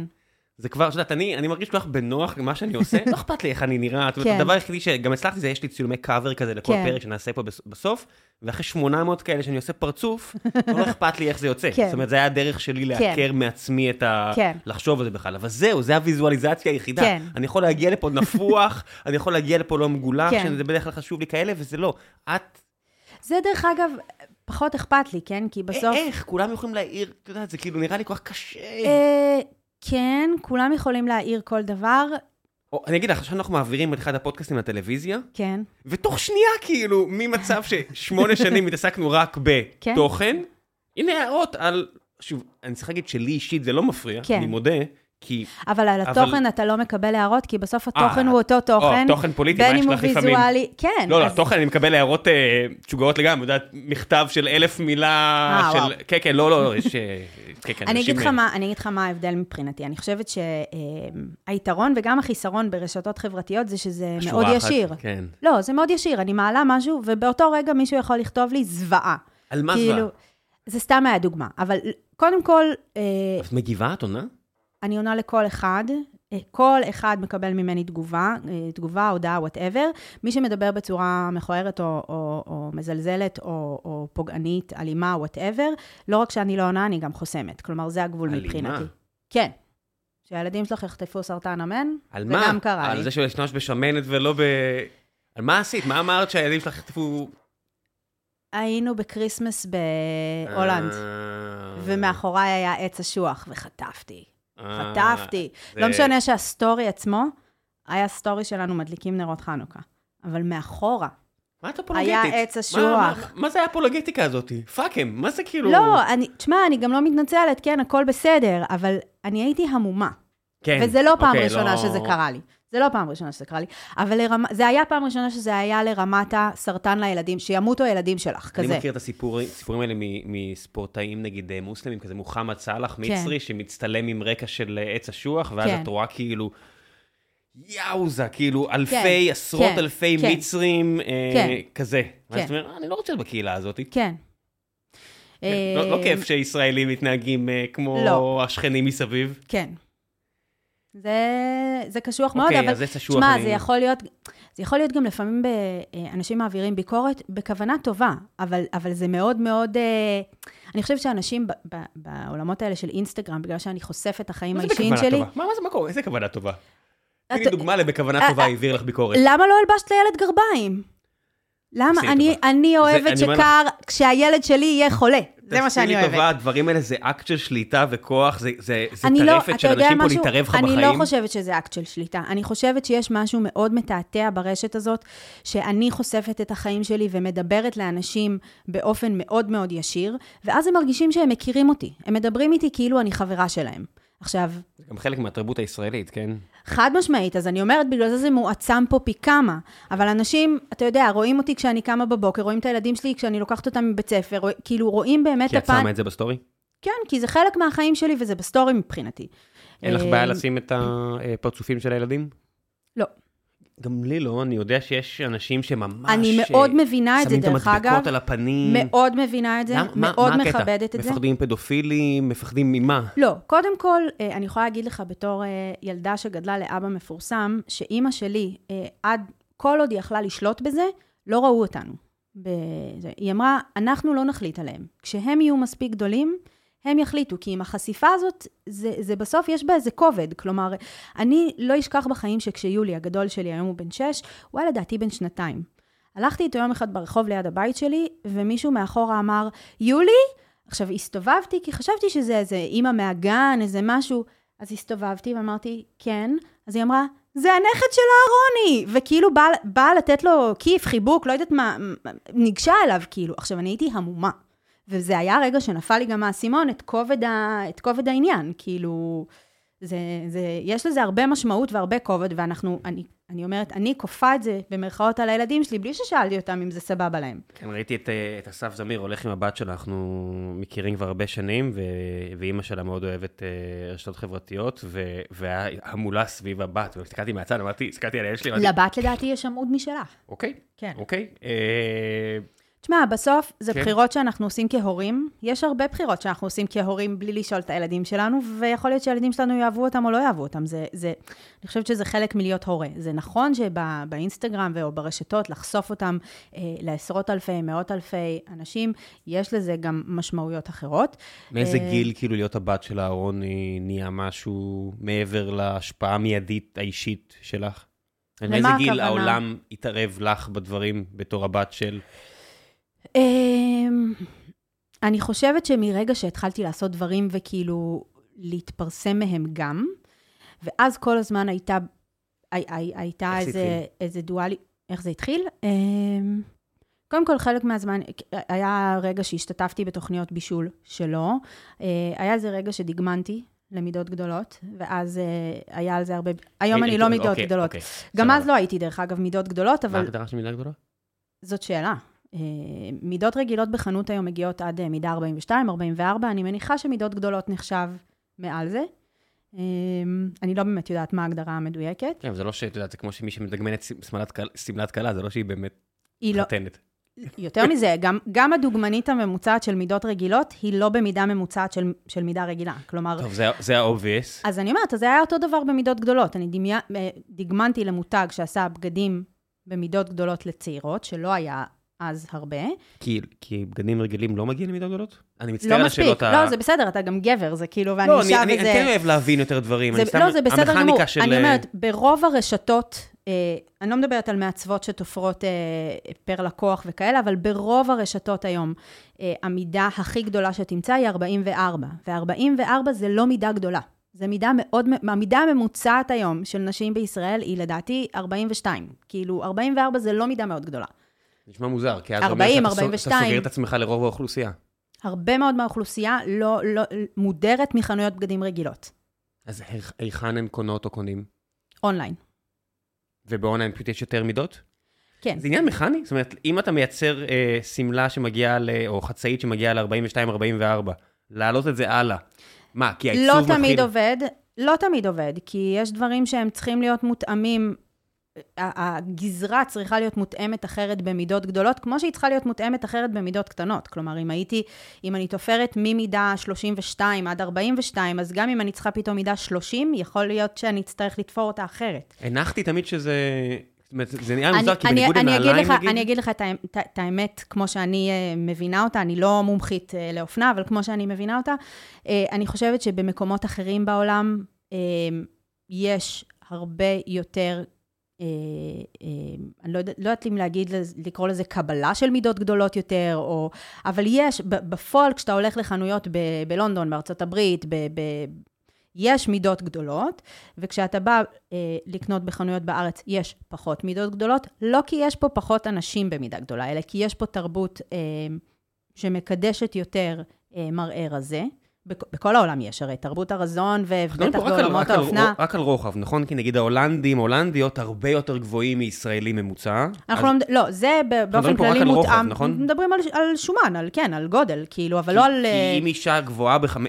הולנד זה מקום שנשים... אני מטר שמונים וחמש, ואני הייתי בהופעה באמסטרדם, כן. ונשים הסתירו לי, כי אני לא כן, רגיל כן, לזה. אבל זה קורה. תדמיין מה קורה לי, אני מטר שישים וחמש.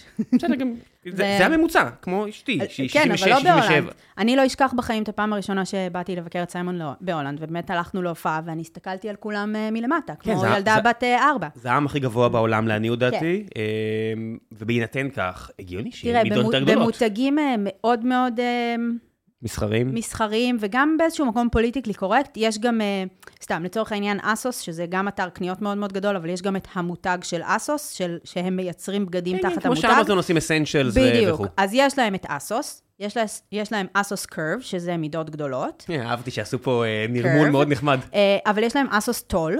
לאנשים גבוהים, ויש להם ASOS Petite לאנשים נמוכים, כלומר, הם מפלחים... Petite זה נמוך, זה לא רזה? Petite זה קטן כזה, אבל זה גם בגובה וגם ב... לא, כי כי את יודעת, יש נשים מאוד רזות גבוהות. את, את לא יכולה להיות מאוד רזה, אם את מאוד רזה, אבל גבוהה, את לא petite.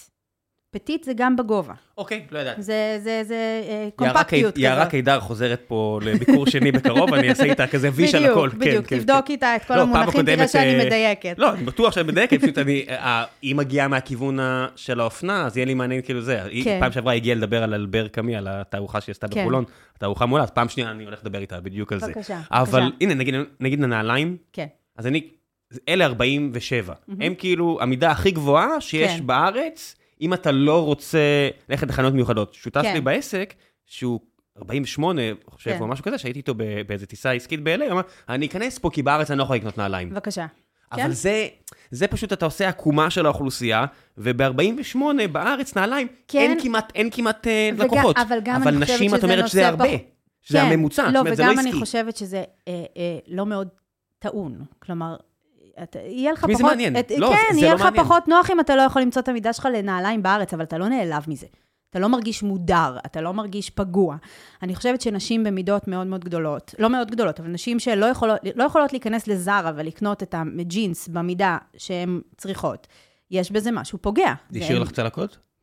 לא, אני- זה אף פעם לא קרה לי. אני, אני אף פעם לא הייתי במידות האלה. זה... כאילו תמיד היית בגבול הזה של 42, 44? כן, כן, זה המקסימום שהייתי בו. זה, לא, לא שאני, אתה יודע, בגלל זה אמרתי, דגמנתי למידות גדולות בלי באמת להיות לי מידות גדולות, וגם על זה הייתה הרבה ביקורת, וזו דווקא ביקורת שאני אהבתי וקיבלתי, כן? הקהל של המותג שאליו דגמנתי אמר, היא מאוד נחמדה ויפה, אבל כאילו, מה היא קשורה? וקיבלתי את הביקורת הזאת. אה, פחות קיבלתי, ו- ומאוד, אה, שאלת איפה זה פוגש אותי להיות בת של מפורסם, לא הבנתי כשאנשים אמרו, אוי, זה אבא שלה סידר לה, ישר הוא דוחף אותה לכל מיני דברים, שכאילו, זה אפילו לא התחום שלו, כאילו, איך, איך הוא יכול לדחוף אותי ל... ל, ל זה באמת לא היה ככה. בעולם אה, זה כן, אה, כן רואים מה? נפוץ. אה, בנות של... אה, כן, בעולם הדברים האלה עובדים בסקייל אחר, אבל. בדיוק, זה מה שאני- זה- זה אבא מה שלי לא להגיד. פנה לחברת מתאים לי ואמר, תשמעו, יש לי, יש לי מישהי בשבילכם, אתם חייבים לקחת אותה. גם לא היה לי, לא הייתי מפורסמת, לא היה לי שם, לא, זה לא שאפילו לא היה ממקום כזה. כלומר, בעולם אה, יש אה, ילדים של מפורסמים שהם מפורסמים רק מתוקף היותם ילדים של מפורסמים. בארץ אז זה לא עבד ככה. אני מנסה לחשוב כאילו דוגמאות, אה, יש כמה, נכון? זאת אומרת, מי, אה, דינה סנדרסון, אבל היא... כן, אבל דינה סנדרסון היא מפורסמת כי היא שחקנית מאוד מאוד מוכשרת. אני לא חושבת כן, שהיא לא, הייתה מפורסמת לא, לפני שהיא הייתה אני אומר, מי בכלל אני שחקנית. מכיר את הילדים של? זאת אומרת, אין, אין המון שאני בכלל מכיר את הילדים של. אה, אלונה סער, אז רק בגלל שאני קצת מכיר את המשפחה, אה, כי, עם אמא שלה לא וגם מזמן. אבל כי היא כן. שחקנית, כי היא שחקנית היום, לפני שהיא הייתה שחקנית לא, ושיחקה. ברור, כאילו, מה, את מי זה, כן, אבא שלה פוליטיקאי, נכון, כאילו, את מי זה מעניין? נכון. אה, זה לא... נכון. אז אני אומרת, בארץ, ילדים של נהיים אולי מפורסמים ברגע שהם יוצרים משהו או עושים משהו, וזה בסדר. בסוף, יכול גם, אפשר להגיד, אה, דינה סנדרסון, אבא שלה דחף אותה ובגללו היא מפורסמת, אבל יכול גם, יכול מאוד להיות שדינה סנדרסון מאוד מוכשרת, כי היא מגיעה ממשפחה של אנשים מאוד מאוד מוכשרים, ושהיא עבדה מאוד קשה בשביל אה, לא המקום תעשייה- שהיא... זה בניגוד לארצות הברית, כאילו, גם דני, כאילו, מוזיקאי. נכון, מה... נכון. כאילו, אם אתה עכשיו, אני עכשיו נכון. מלהק אה, לסדרה... נכון?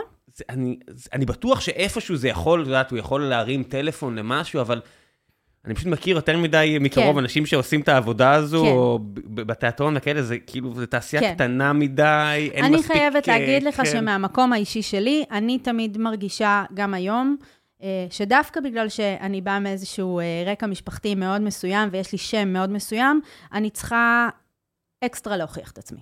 שאחרי זה לא יגידו, אה, בסדר, נו, זה הכל על השם. אלא שיגידו, וואו, האמת, היא הייתה פצצה. אני רוצה שיהיו מרוצים ממני לא ב-100%, ב-200%.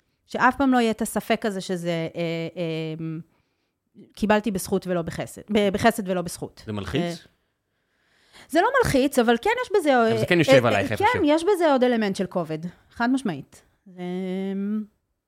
כן, יש לי איזה חבר טוב אה, מאוד אגב, כן, ודרך אגב. אני חושבת גם שאתה יודע, אני לא אהיה תמימה, אני בטוחה שבהרבה דברים השם הזה פתח לי דלתות, אבל אני גם בטוחה שבהרבה דברים הוא סגר לי דלתות. בבית הספר לאדריכלות בתל אביב, אה, בא- באוניברסיטת תל אביב, אני בטוח אה, שה- זה לא, זה, זה לא השפיע. העבודה שאבא שלך עושה, דרך אה, אגב- משה בתיבה בן דרך זונה. אגב, אתה יכול לצחוק, אבל היום הראשון שלי אה, בצבא, לא, אה, סיימתי טירונות והגעתי ליחידה שבה שירתתי, וביום הראשון שלי, אה, כל מי שמגיע חדש ביחידה הזאת עושה שבועיים עבודות רס"ר, מוצמד לרס"ר, עושה שבועיים עבודות רס"ר, ורק אחרי זה משבצים אותו לאיזשהו תפקיד. אז ביום הראשון, בדקה הראשונה נחתתי בבסיס, עוד לא ידעתי כאילו מה, מה, מה מימיני ומה משמאלי, הרס"ר הסתכל עליי ואמר לי, אני יודע שאת הבת של אהרוני, אבל אל תתלהבי, כולם פה ילדים של מפורסמים. את רואה את זה, זה הבן של שאול מופז, ואת רואה את זה, הבן... שלא תחשבי שיכול לעלות לך אף. ככה כאילו, ככה פתחתי את השירות הצבאי. ו... זה גם קורה. כן, אה, אני מניח שזה לא הבן של שאול מופז שאני חושב עליו, אחד אחר. כן, של שאול מופז שאתה חושב עליו. יוני? יוני מופז, כן. אוקיי, בסדר. אז אה, סבבה. אז כן. אז כן. יש תפקידים שאתה עושה שהם לא... אתה יכול לצעוק פרוטקציות עד מחר, בסוף, אם אתה מגיע למשהו, זה... אתה לא תישאר שם. זאת אומרת, זה- זה זה נכון. נכון לרוב המוחלט של המקרים בעולם, מלבד עסקים. משפחתיים. מלבד עסק- עסקים משפחתיים, נכון. שזה... נכון, אבל אני חייבת להגיד לך משהו. בסוף, גם, גם עכשיו, אה, בתור יוצרת תוכן בתחום הקולינריה, כשיש לך אה, אבא שהוא אחד השפים הגדולים בארץ, אה, אני יכולה להגיד שאם התוכן שלי בסוף לא באמת היה תוכן טוב, זה לא היה עובד, וזה לא משנה לך? ש... ברור, כל הזמן. מעירה, לא? ברור. כי כי הוא גם עושה מהדינמיקה- מלא- כי הוא גם עושה מלא תוכן, הוא לא רק שף. אה, קודם כל, גם ב- בפן הקולינרי אנחנו לא תמיד רואים עין בעין, וזה חלק מהדינמיקה שלנו, וזה על מה? מצחיק, ואנחנו מתווכחים על דברים. על מה? כל מיני דברים, הוא אוהב, אה, תמיד אני, הדוגמה שקופצת לי לראש, זה, זה גספצ'ו. אני אוהבת שמסננים את הגספצ'ו, והוא אוהב שלא מסננים את הגספצ'ו, ואנחנו מתווכחים על זה כל פעם שמכינים גספצ'ו. זה סתם, זה מטופש, אבל זה ויכוח בינינו, תמיד. כאילו, הוא מעיר הערות בשולחן? אה, מה זה בשולחן כשהוא בא לאכול, כאילו? כן. לרוב אנחנו אוכלים אצלו, אבל אני לא יכולה להגיד שהוא בא לאכול אצלי הרבה. אז אבל אוקיי. אנחנו מבשלים הרבה ביחד, וכן, אנחנו מתווכחים תוך כדי הבישול, אנחנו מתווכחים כאילו... גם אחרי זה אומרים, זה היה יותר טעים, פחות טעים, זה כאילו, כן, אנחנו... מפרקים את המשפחה. לא, לא. להפך, זה הכל ברוח טובה. אנחנו גם כן מסכימים על הרבה מאוד דברים, כן? בסוף... אה, אה, ותוכן, נגיד, שהוא, שהוא עושה את הסדרות, ויש לו כמה סדרות קולינריה יותר מוצלחות שהיו פה, כן. ואת יכולה לשבת ולראות, די, אבא, כמה זמן חפרתם פה על השוק הזה? אה, ברור. אנחנו, קודם כל, אנחנו הרבה פעמים רואים את העריכות המוקדמות של הפרקים, ואז נותנים ביקורת אמיתית. ואנחנו אומרים, תשמע, אולי צריך להחליף פה את הסדר, וזה היה קצת ארוך מדי, וזה קצת חופר, אבל זה נורא מעניין, אולי ת, תעריך דווקא את הסצנה הזאת, כאילו תגיד אנחנו... לגידי שף, שאפשר להפסיק. לא, גידי שימשיך, גידי קורע. כן, גידי נכס צאן ברזל. כן. הנה, יש נגיד לעשות כזה סטורי עם גידי, זה כאילו... אני עושה להם לפעמים. כן. הם באו יום אחד לאכול במקום שלנו, כשפתחנו את המקום בגני תקווה, אז uh, גידי בא לאכול, הוא בא לפרגן, הכי חמוד. והם ישבו שם, זה מרכז מסחרי כזה, הם ישבו בכניסה למרכז המסחרי, ואכלו, הוצאתי להם את ההמבורגר ואת הזה ואת הזה, ואז אמרתי להם, אפשר לעשות את המסע המופלא של גידי ואהרוני בגני תקווה? אז אמרו לי, לא, אנחנו רוצים לנסוע למקומות יותר שווים בעולם, כאילו, הם הסתלבטו סתם, על זה, אה, סתם ברור. האקזוטיקה. אם כן, זה היה על. דרך המשי באיזה טיזנט שלוח קירגיסטן, אף אחד לא היה, וזה לא נראה כזה שונה. לא סתם. ברור, מגני תקווה. כן. מה- הסיפור? ומבחינת האדריכלות, מתי זה היה? מה זאת אומרת? למה לא? לעשות דאבל דאון על הקולינריה, התוכן והכל? זאת אומרת, אדריכלות זה כל כך... זאת אומרת, אם יש מקצוע שהוא בעיניי הכי... הכמות עבודה ביחס לכמות הזוהר, יחס הכי הפוך, זה אדריכלות. כן. אתה יכול להסתכל על בניין, שזה הדבר הכי מדהים שיש, זאת אומרת, זה fucking בניין, אנשים כן, אשכרה בנו פה אופרציה משהו. מטורפת. יש פה פלדה, זה טכנולוגיה, זה יסודות, זה צריך להחזיק. אף אחד כמעט, בטח שבישראל, אדריכלים אה, כמעט ולא. כן. אין, זאת אומרת, 99% מהאוכלוסייה לא מכירה שמות של אדריכלי, נכון. אדר- אדריכל או אדריכלית אחת. אני אגיד לך יותר מזה, המנהג הבעיניי קצת מגונה הזה שיש היום לשים על כל בניין שלט, הוא בדרך כלל של... אין של- ערסי מזה. א', אין ערסי לא, מזה. אני לא אוהבת את זה, זה, זה זוועה בעיניי, אבל לרוב כששמים את השלט, שמים את השלט של הקבלן, לא של האדריכל. נכון, של חושב, אני, הקבלן, של היזם. אני חושב על כל מיני מקומות שהיזם, אה, נכון, זה, אה, נכון, האדריכלית או האדריכל, אה, אף פעם לא... אין ברוורמן כתוב איפשהו, לא. לא. זה לא... אפילו האדריכלים הכי גדולים בארץ, כאילו, גם באף זה לא כתוב ישר אדריכלים על ה... על ה... אולי על גשר. זאת אומרת, אולי, אולי אם אתה עושה משהו באמת כזה אה, תשתיתי, אני לא חושבת שאז יש שלט, אבל... לא, לא יהיה שלט, אבל לפחות יהיה ידוע. ידוע, בסדר, בסדר, כן, יש... אפילו- אה, ברוב המקרים זה אפילו לא זה. כן, זה נכון. זאת אומרת, במדינות אחרות, זה נכון. זאת אומרת, את יודעת, יש אדריכלים סופרסטארים. נכון. זאת אומרת, מרד הנפילים זה לא סתם שמונומנטים ליברטריאנים אבל גם כאלה, זה. תסתכל עולמית, כמה אדריכלים סופרסטארים אתה יכול לנקוב בשמם? עשרה? עשרים? עשר- הגזמתי. עשרים, הרגת אותי, הרגתי כאילו, אותך. עכשיו אקדח לרקה style Fight Club, אני אצטרך לתת חמישה. לא, זה כן. כאילו, עכשיו חיי. תלויים בזה חמישה... וזה כי אתה מחבב את התחום. כאילו, רוב האנשים, לא יודעת אפילו אם אחד לא, הם אני יודעים בטוח שמי להגיד, שמחבב שניים. יודע... לא, מי שמחבב כן, יודע אבל... להגיד באמת עשרות. אבל average Joe לא יודע להגיד, לדעתי. כלום, אחד לא. אחד לא יודע, אחד לא. כן.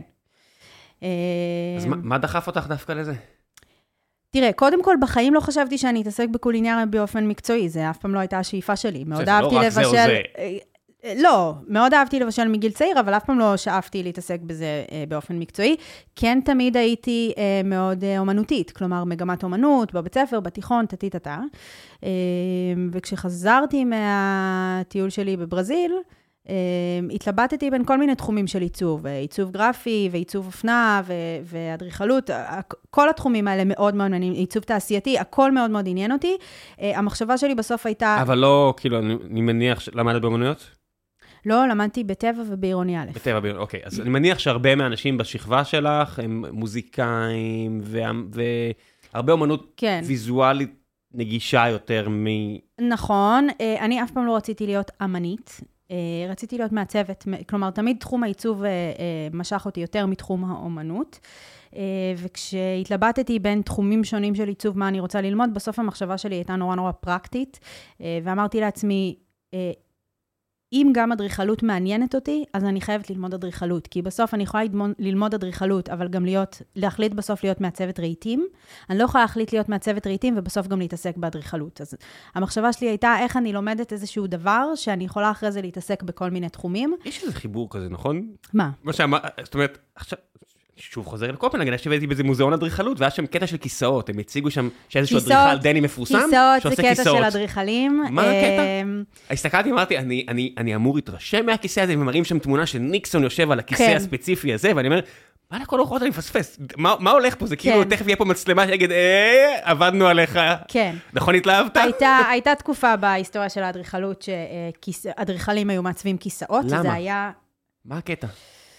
אה, זו שאלה יפה, אני חושבת שזה התחיל ממקום שבו אה, אדריכלים היו מעצבים את כל החלל, כולל הריהוט שבתוכו, ו- וחלק מהריהוט הוא אינטגרלי בתוך החלל, וחלק הוא כיסא, אבל אני לא יודעת למה דווקא גם כיסא זה היה? רגע, אני, מסמן... מה שאמרת עכשיו אני לא מכיר בכלל. למה, כן, למה בטח. אדריכלים עשו ריהוט, או למה עשו... קודם כל, פעם לא הייתה הפרדה כל כך מוגדרת בין פנים. עיצוב פנים לאדריכלות. כשעשית חלל, עשית חלל הוליסטי, עשית את הכל.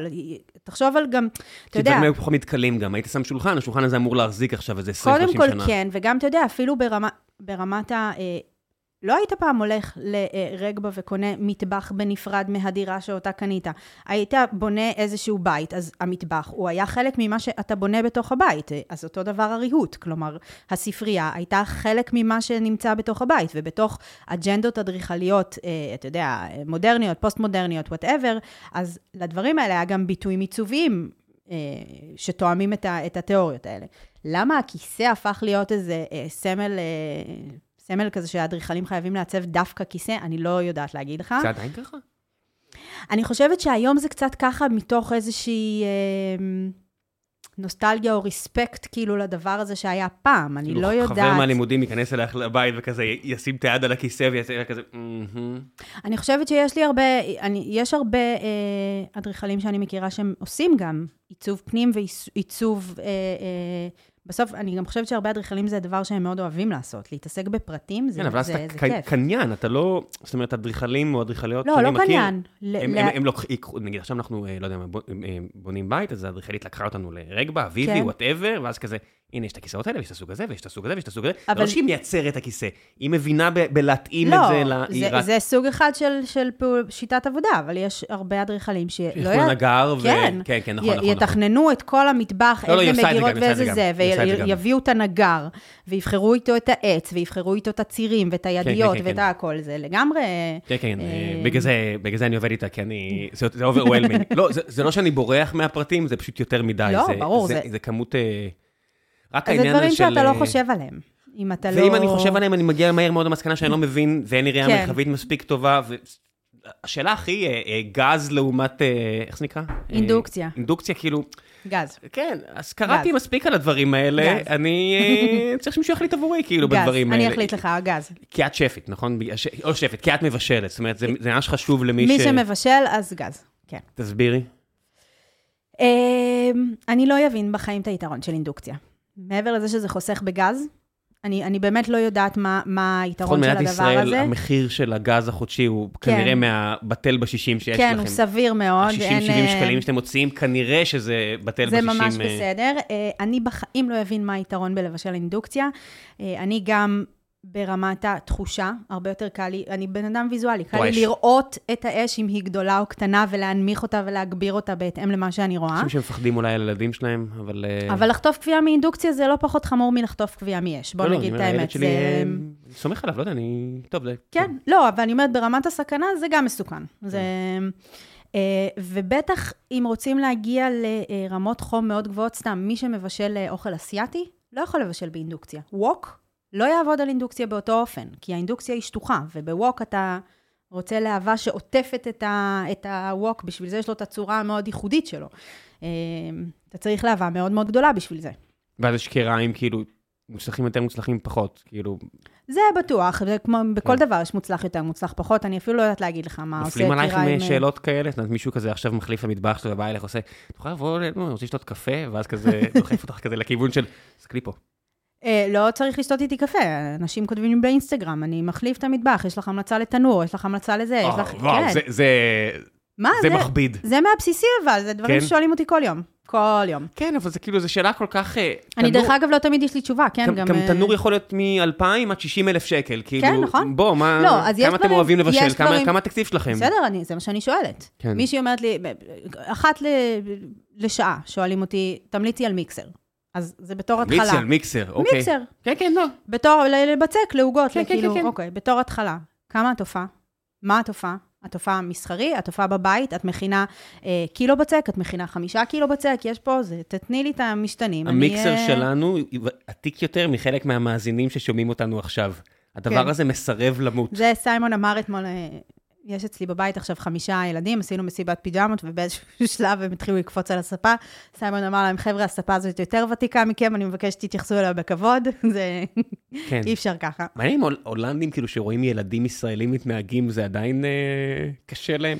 אומרת, זה אחד הדברים... תראה, הולנד לא חמורה כמו אנגליה. באנגליה הר- הרי אומרים, kids are to- צרפת, kids are to be seen and not heard, זה המשפט כן. של האנגלים. אני מכיר הרבה אה, אנשים שנורא קשה להם עם ה... אני יכולה לא להגיד לך. עכשיו, אחרי אה, מסיבת פיג'מות, שילדים זה, בישראלים זה באמת דבר מאוד מאוד רועש. אני לא, לא לקחתי בחשבון כמה רועש יהיה בבית עם אה, חמישה ילדים, אבל אה, כן, ברור, יש, יש פה גם פערי תרבות אה, בין הולנד לישראל. בהולנד הילדים הם מאוד אה, ממושמעים, אני רוצה להגיד. כולם הרבה יותר שקטים. זאת אומרת... לאו דווקא, הם יודעים גם להשתולל, להשתולל. הדבר היפה בהולנד, ב, ב, אה, אתה יודע, באופן יחסי לתרבויות אירופאיות בעיניי, זה משהו מאוד מאוד outdoorsy, כלומר, אה, הולנד מדורגת היום במד... באיזשהו מדד, באיזשהו מחקר שעשו, אה, הילדים המאושרים בעולם, ואחת מהסיבות זה שהם נמצאים בחוץ כל הזמן, בכל תנאי מזג אוויר, הם כל הזמן משחקים בחוץ. אז כן, יש שם מאוד מאוד אלמנט, הם גם מאוד, אה, הם, כ- כאומה, הם מאוד מאוד פיזיים. העניין הזה של האופניים הוא, הוא רק פן אחד, אבל הם מאוד מאוד אופניים, ספורטיביים. את- את- רק אתה עושה מהלם את רואה מגרשי כדורגל בלי סוף. מאוד ספורטיביים. אה, אז ילדים שם כן מאוד משתוללים, והם כן פיזיים, והם כן יכולים להיות לאוד, אבל יש בהם משהו מאוד ממושמע, ואני תמיד נפעמת כשאנחנו שם, אה, מהדבר הזה שאנחנו יכולים לשבת עם חברים, עם ילדים בגילאים דומים לילדים שלנו, בגינה לצורך העניין, או באיזשהו פארק. ואין להם את הדבר הזה שיש להורים בישראל, של כל הזמן לבדוק איפה הילדים. הילדים הולכים וחוזרים כאוות נפשם, ואתה סומך עליהם. כאילו, אתה סומך עליהם שהם ילכו, אתה סומך עליהם שהם יחזרו, אתה סומך עליהם שהם לא יקפצו ראש לתוך הבריכה, אה, אתה סומך עליהם שכאילו... עכשיו, זה נכון שבארץ זה מלווה בעוד כל מיני חרדות, כי אתה גם סומך על זה שלא יהיה פיגוע גינה, ואתה סומך על זה שלא... הרבה יותר מפחיד אותי, מה שיש לי בראש זה לא פיגוע, זה, זה גברים מטרידים. אז... זה, אז... זה תמיד יש לי בראש, כאילו, תמיד כן. כשאני אני מסתכל, כאילו, אני, אני עכשיו בשלב הזה, אני לא סורק כן, לאנשים עם מעיל בקיץ, כן. אני סורק לווירדוז עם כלבים קטנים. כן, כן. סל- סלחו לי על אה, אנשים, ווירדוז כן. עם כלבים קטנים, אה, אני סורק לזה, זאת אומרת, כן. אז, אז גם בזה... הסטטיסטיקות מטורפות, מטורפות. על הטרדות מיניות, בנים מטורפות, ובנות, כן? מטורפות. בגילאים הקטנים. זה, זה בטח איזה 50-50, כי, כן. כי זה חסרי ישע either way, אבל אז זה מה שיושב לי משהו, בראש. יש שם משהו אה, מאוד משוחרר במובן הזה. אה, יש שם גם, בתור אדריכלית, אני יכולה להגיד לך, אה, המרחבים העירוניים והמרחבים הציבוריים גם בנויים לזה. כלומר, תרבותית המקומות בנויים לזה שאבא ואימא יכולים לשבת ולשתות את הקפה שלהם או את היין שלהם, והילדים יכולים להתרוצץ בבטחה, הכל יחסי, אבל להתרוצץ בבטחה? מסביב. מה זה אומר?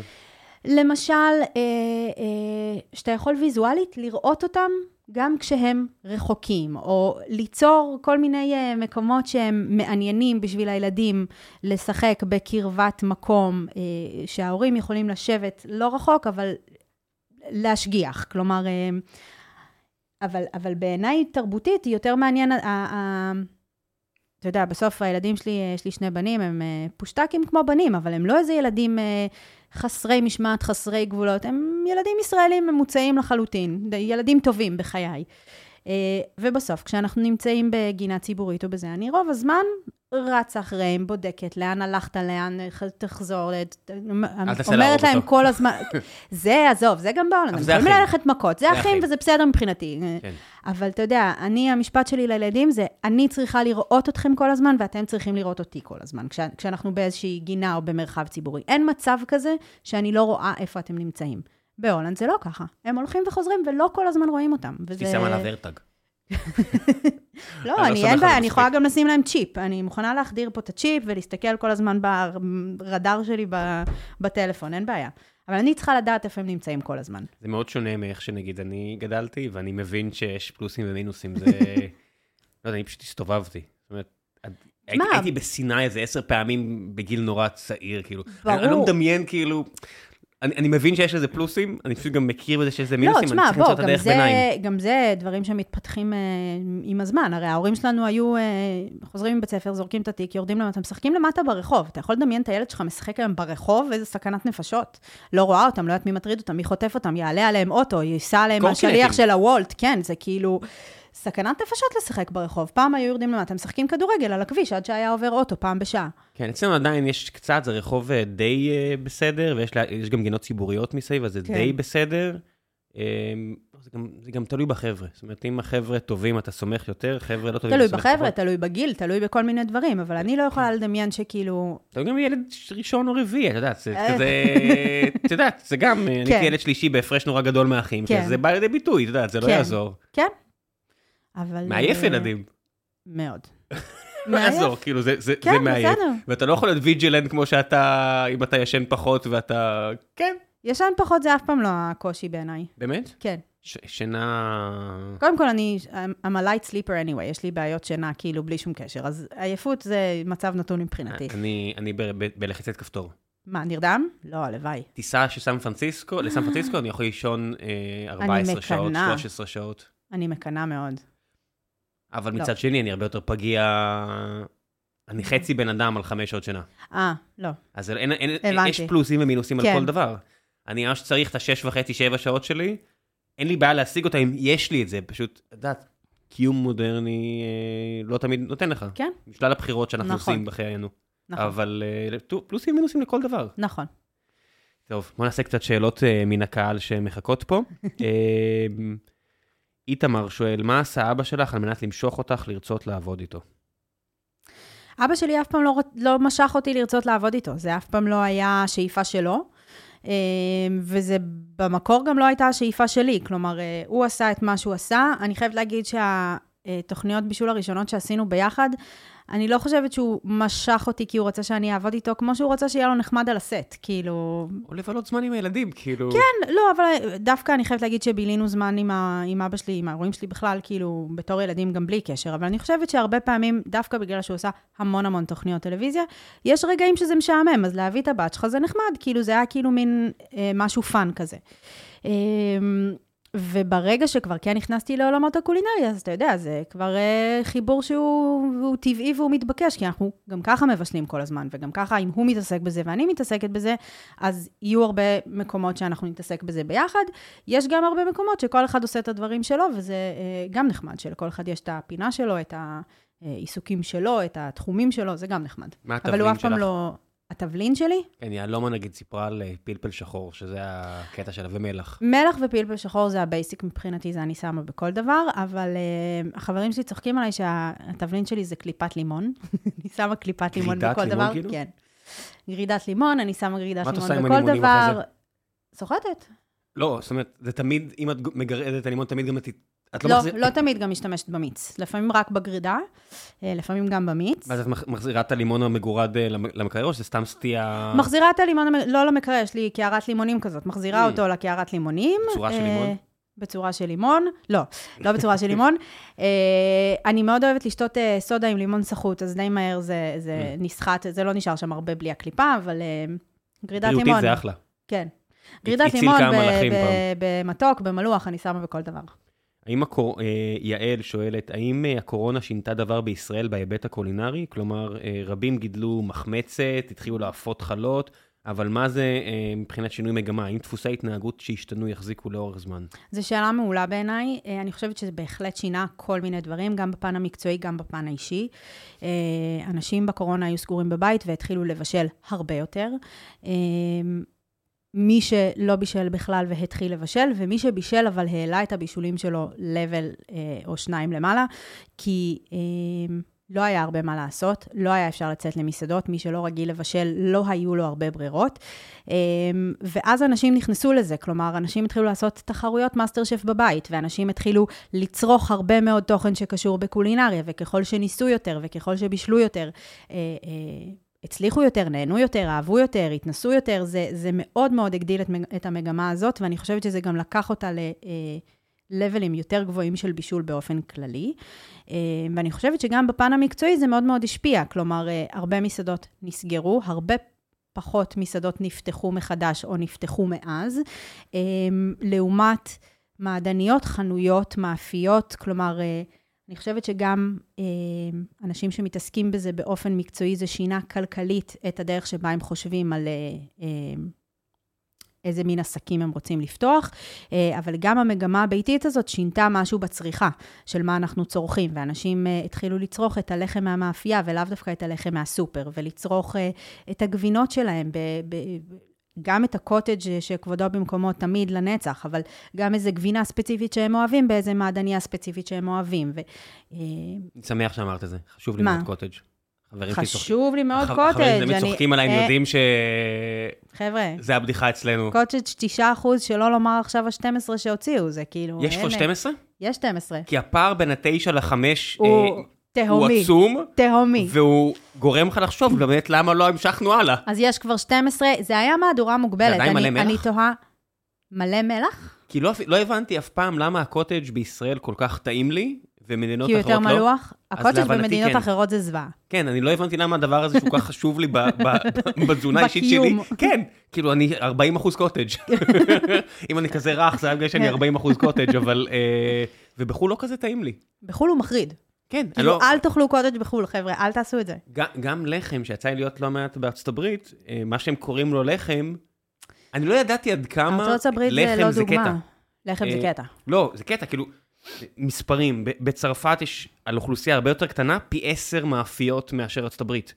אה, והלחם שכן יש להם, מה שהם קוראים לו וונדר ברד, כן. וכל מיני דברים כאלו, זה ממש מוצר תעשייתי ברמה הכי, שאת יודעת שיש כאילו... רוב האוכל בארצות הברית הוא מאוד מאוד תעשייתי.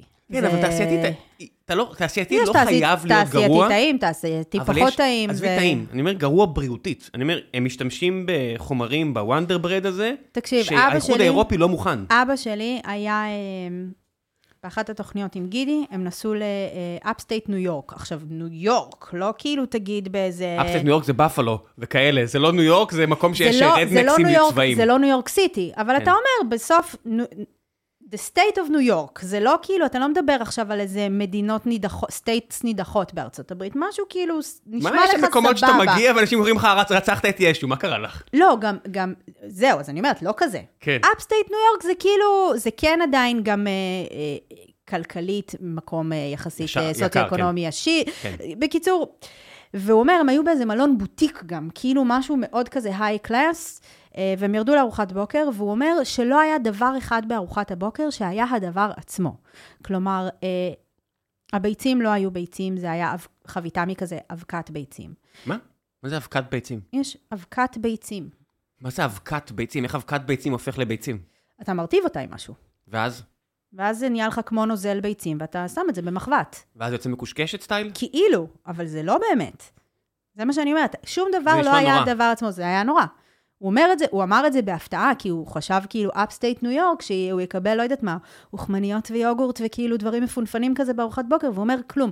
הוא אומר, הוא אומר שלדעתו, נגיד, הלחם, הדפיסו אותו במדפסת תלת מימד. זה כאילו אומר, זה היה. לא... לא, אני אומר, אני מפציר בכם, לכו לקרוא מה זה וונדר ברד, תסתכלו במרכיבים, ת- כאילו, איך הלחם הזה מחזיק שלושה חודשים? כן. לחם לא אמור להחזיק שלושה לא, חודשים. לא, לא, לא. למה הוא כזה לבן? למה הוא כזה פלאפי? אני בטוח שאם תרשמו ביוטיוב, וונדר ברד, תמצאו איזה שמונה אנשים שמפרקים כן. את זה, ללמה בעשר דקות, תראו מה קורה שם. יש שם חומרים שהאיחוד האירופי לא מרשה אותם. אבל גם זה, אתה יודע, שאלת אותי קודם על הבדלים תרבותיים אה, אה, בין ישראל להולנד. סליחה שאני אומרת כל הזמן הולנד, זה פשוט ההשוואה הכל הכי... זה אה, ה-go- to זה country ה-go-to שלך. שלי, כן. אה, בהולנד, תרבותית, כבר כשאתה הולך לסופר, אתה יכול להבין איך אה, אה, תרבות הצריכה שלהם, הקולינרית, היא מאוד מאוד שונה. למשל, אין בשר קפוא. אין מקפיא בסופר, חוץ מכאילו לגלידה או לדברים שהם בבייסיק שלהם צריכים מקפיא. וואלה. אה, כי קונים בשר עצום. עצום. הם הולנדים, הם מבשלים כל יום ארוחת ערב לאותו יום. אין את הדבר הזה של להעמיד סיר שהוא איתך עכשיו זה לשלושה אומר ימים. שגם ה- ה- ה- המקררים קטנים יותר? לא חד? משמעית, חד משמעית.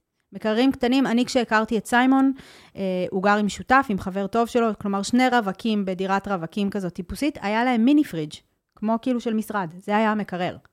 אני, כשיצאתי מהבית של ההורים, כאילו שעברתי לתל אביב, לא, זה היה, לא אחרי שיצאתי מהבית של ההורים, אבל שעברתי לתל אביב, אה, המקרר אה, גדול, וזה היה חשוב, כן? כאילו. אז לא. אני, לרגע שהנאצים גרו- יגיעו, שאנחנו צריכים... אה, לאגור, כן, כן, שיהיה. ב- בוודאי. אה, אז הם לא משתמשים בבשר קפוא, אתה הולך לסופר, ובסופר יש מקרר בשר, סתם לצורך העניין בשר טחון, יש לך ארוז טרי עם תאריך והכול. שכמה אה, התאריך? ימים קדימה? התוקף, חמישה ימים. אוקיי, כן. אפשר לעבוד עם זה. אפשר לעבוד עם זה, אה, וזה 300 גרם, חצי קילו, קילו, כלומר יש גם במשקלים שונים שתקנה את הצורך גם שלך. המשפ- אבל גם המשפחות טענות יותר. זאת אומרת, הולנדים, כמו הרבה אירופאים נכון. אחרים, אומר את זה המענה עם הילד אחד, אבל נכון. הממוצעים בישראל הם הרבה יותר. נכון, אבל אין שום קשר.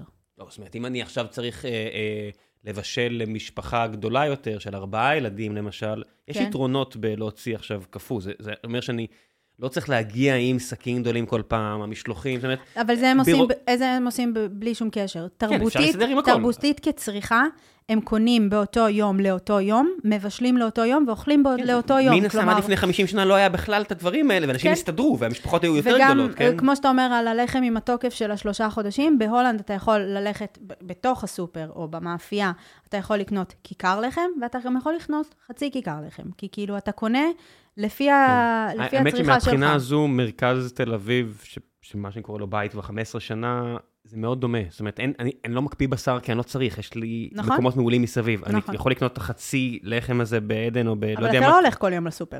תרבותית אתה לא קונה אני- כל יום לאותו אני, יום. אני יכול ללכת שלוש, שלושה, ארבעה, לא, אצלנו אנחנו, אני דווקא, כן, חשוב לי העניין של- אולי זה סתם Mm-hmm. אה, פאק מהבית, שזה היה הפוך, אז תהיה ממש חשוב שהכל יהיה, אני, אני אוהב טרי, כן, אני ממש חשוב לי, ואין סיבה שלא, כן. אני אוהב תהליכה גם. הרבה כן. אנשים אני יודע שמאוד אוהבים את העניין של המשלוחים, לא, אני גם אוהבת את הסיבוב בסופר, אני מאוד אוהבת. אני גם לא אוהב משלוחים. כן. המ- אני, אני מודה שעשיתי את זה גם המחשבה של ה... הטוסטוסים, ה... אני יכול ללכת. כן. ההליכה ברגל עובדת טוב, כן. אבל זו פריבילגיה שכרגע איפה שאני גר. בהמשך אני לא נכון. חושב שזה יהיה ככה. נכון. אה, או אולי כן, אולי לא, אבל אה, כרגע יש לי את הפריבילגיה הזו. זאת אומרת, גם שעשיתי, כשהתחיל אמזון פה, והזמנתי, אני מתגלח הרבה מן הסתם, אני קרח ואוהב להיות מגולח, הזמנתי כזה 20 להבים, וזה הגיע עם קופסאות ובאבל ראפ, וזה כן. עלה על מטוס והכל, ואחרתי, כן, "אה, אני קופץ לגוד פארם, אני אביא את זה, כאילו זה נכון, לא... נכון. מ- משהו- משהו לא מרגיש לי בסדר נכון. כבר. כן. טוב, בוא נעשה עוד קצת שאלות. אה, איך מנטרלים ריח בישול שנדבק לכל דבר? ערן גולדין שואל, משהו, כמו שאמרת, באמת אנשים שואלים אותך, איך מנטרלים ריח בישול שנדבק לכל דבר? טוב ששאלת. זו בעיה אמיתית לאנשים זה שנמזרו בעיה במטבח. אמיתית. אני, אה, יש לי את הבעיה הזאת כל חנוכה כשצריך לטגן, אני שונאת לטגן, לא כי אני לא אוהבת טיגון, אלא כי אני סובלת מאוד מהריח הזה של השמן, שאני מרגישה שאחרי זה הוא נדבק עליי ונדבק על הבית ועל הספות, ואי אפשר להוציא את הריח משום דבר. אה, שנים הייתי מרתיחה מרכך כביסה, אל תעשו את זה, מסתבר שזה מאוד מאוד רעיל. מה אמרת עכשיו? הייתי לוקחת מרכך כביסה, שמה אותו בסיר קטן ומרתיחה אותו על, ה, על הגז. והריח של המרכך כביסה מתפשט בבית, עושה ריח מאוד מאוד נעים כמו של כביסה, ומפצה על כל הריח הדוחה של הטיגון. ואז מישהי כתבה לי, ואחרי זה גם בדקתי את זה, וזה מאוד מאוד מסוכן, אל תעשו את זה, זה משחרר לך עדים מאוד? רעילים. מישהי באינסטגרם אמרה, אני מרתיחה, אני אומר זה, לך, זה זה, האנשים זה האלה טיפים של ששתו מאמר- אקונומיקה בשביל להתחמק מקורונה. בדיוק. לא, זה טיפים כאלה של... אה, אה, זה עושה ריח, אני יכול לתאר זה לעצמי. עושה ריח מאוד מאוד נעים. כן. אה, ריח שמרכך כביסה הוא מאוד נעים. נכון, ואז קיבלתי את הטיפ הבא, והוא uh, הרבה יותר מוצלח וגם לא רעיל. Uh, אני עדיין מרתיחה, אבל אני שמה בסיר קטן uh, דברים שיש להם ריח טוב. למשל, מקל קינמון, למשל חתיכה של תפוז, או קצת וניל, ומרתיחה את זה. כל פעם מוסיפה עוד קצת מים, כי המים מתאדים, אבל העדים האלה מפיצים ריח מאוד מאוד נעים בבית, שדי מהר זה מגרש, אחלה נקרא. לזה, את כל, ה, את כל מה הריח עם כל של. הקולטני עדים וכל הדברים האלה, את לא אה, מאמינה בהם? אני לא מאמינה בהם, לא שאני לא מאמינה בהם, כן, אה, אבל א', בבית שלי אין לי קולטן עדים. יש לך אה, חלון צמוד או שגם לא? יש לי חלון, אה, יש לי חלון, וגם אה, הסלון מטבח שלי זה כזה ביחד, ויש דלתות גדולות של מרפסת, זה כן, זה נחמד, נקרא תל אבל. זה לא, בדיוק, אה, אבל זה לא תמיד מספיק, כן? כשטיגנתי אתמול אה, 20 שניצלים לכל הילדים, היה ריח קשה, גם למרות שהכל היה פתוח, הריח הזה של הטיגון, יואו, את ממש רגישה אז. לטיגון מאוד. ריחות של בישול אין לי בעיה, בצל, אה, שום, זה אין לי בעיה. ריח של טיגון בשמן, הדבר היחידי שקשה לי זה חומץ. חומץ, אם, אם, גם אני? וגם אשתי אוהבים, Mm. ואם היא, כאילו אוהבים לבשל, ואם היא עושה משהו עם חומץ, אני יכול חדר ליד, וואלה. וזה יכול להטריף אותי.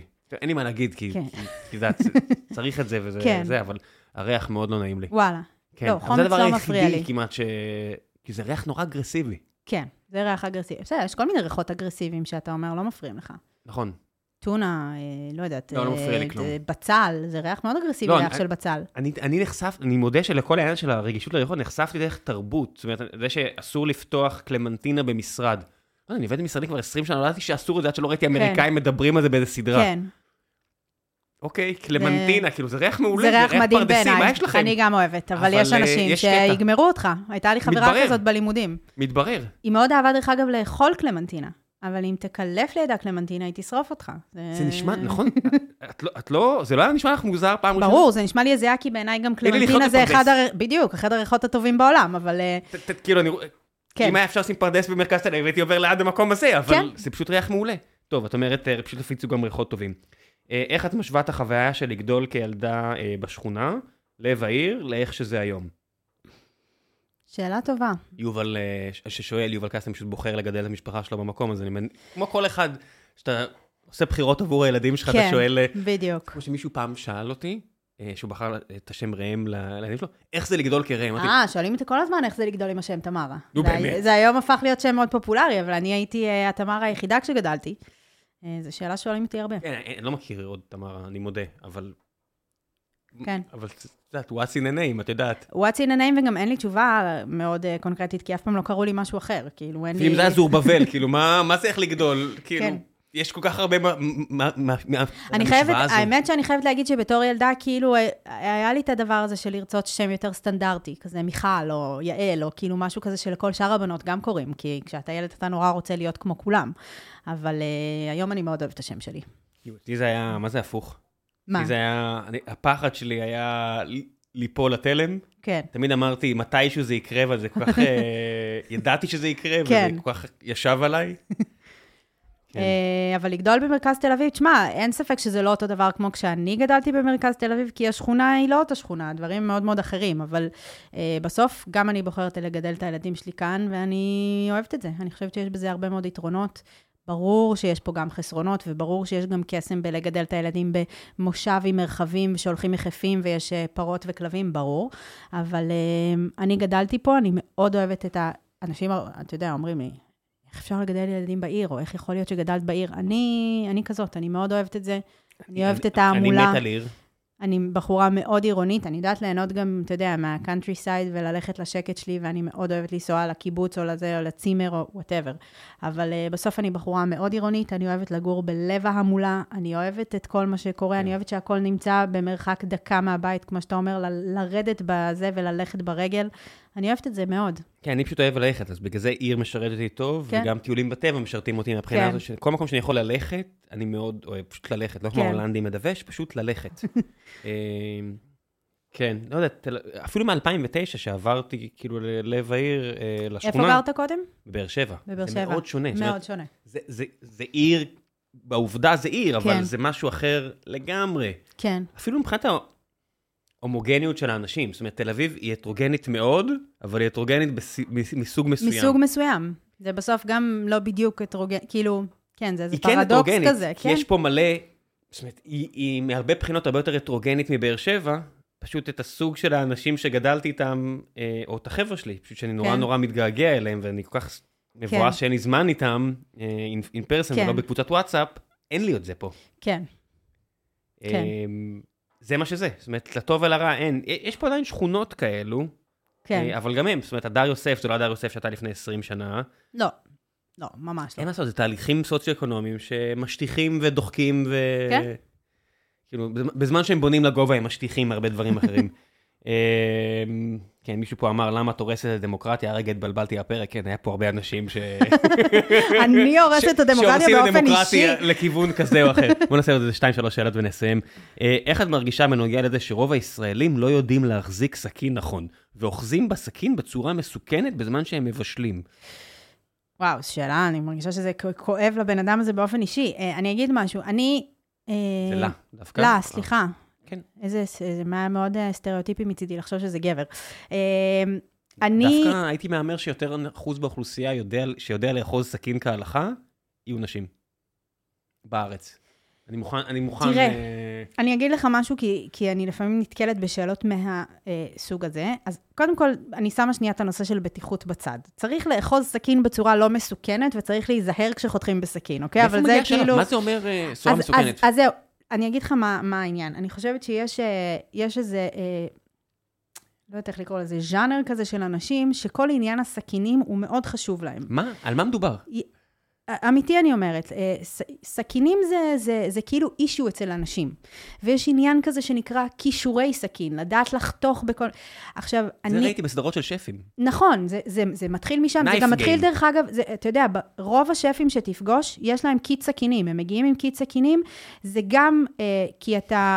קיט הכלים. כן, יש הם להם, נינג'ות? יש להם נרתיק, כן, אה, נרתיק אוקיי. כזה עם סכינים. הם באים עם הסכינים שלהם. שלהם. לכם? אה, לא.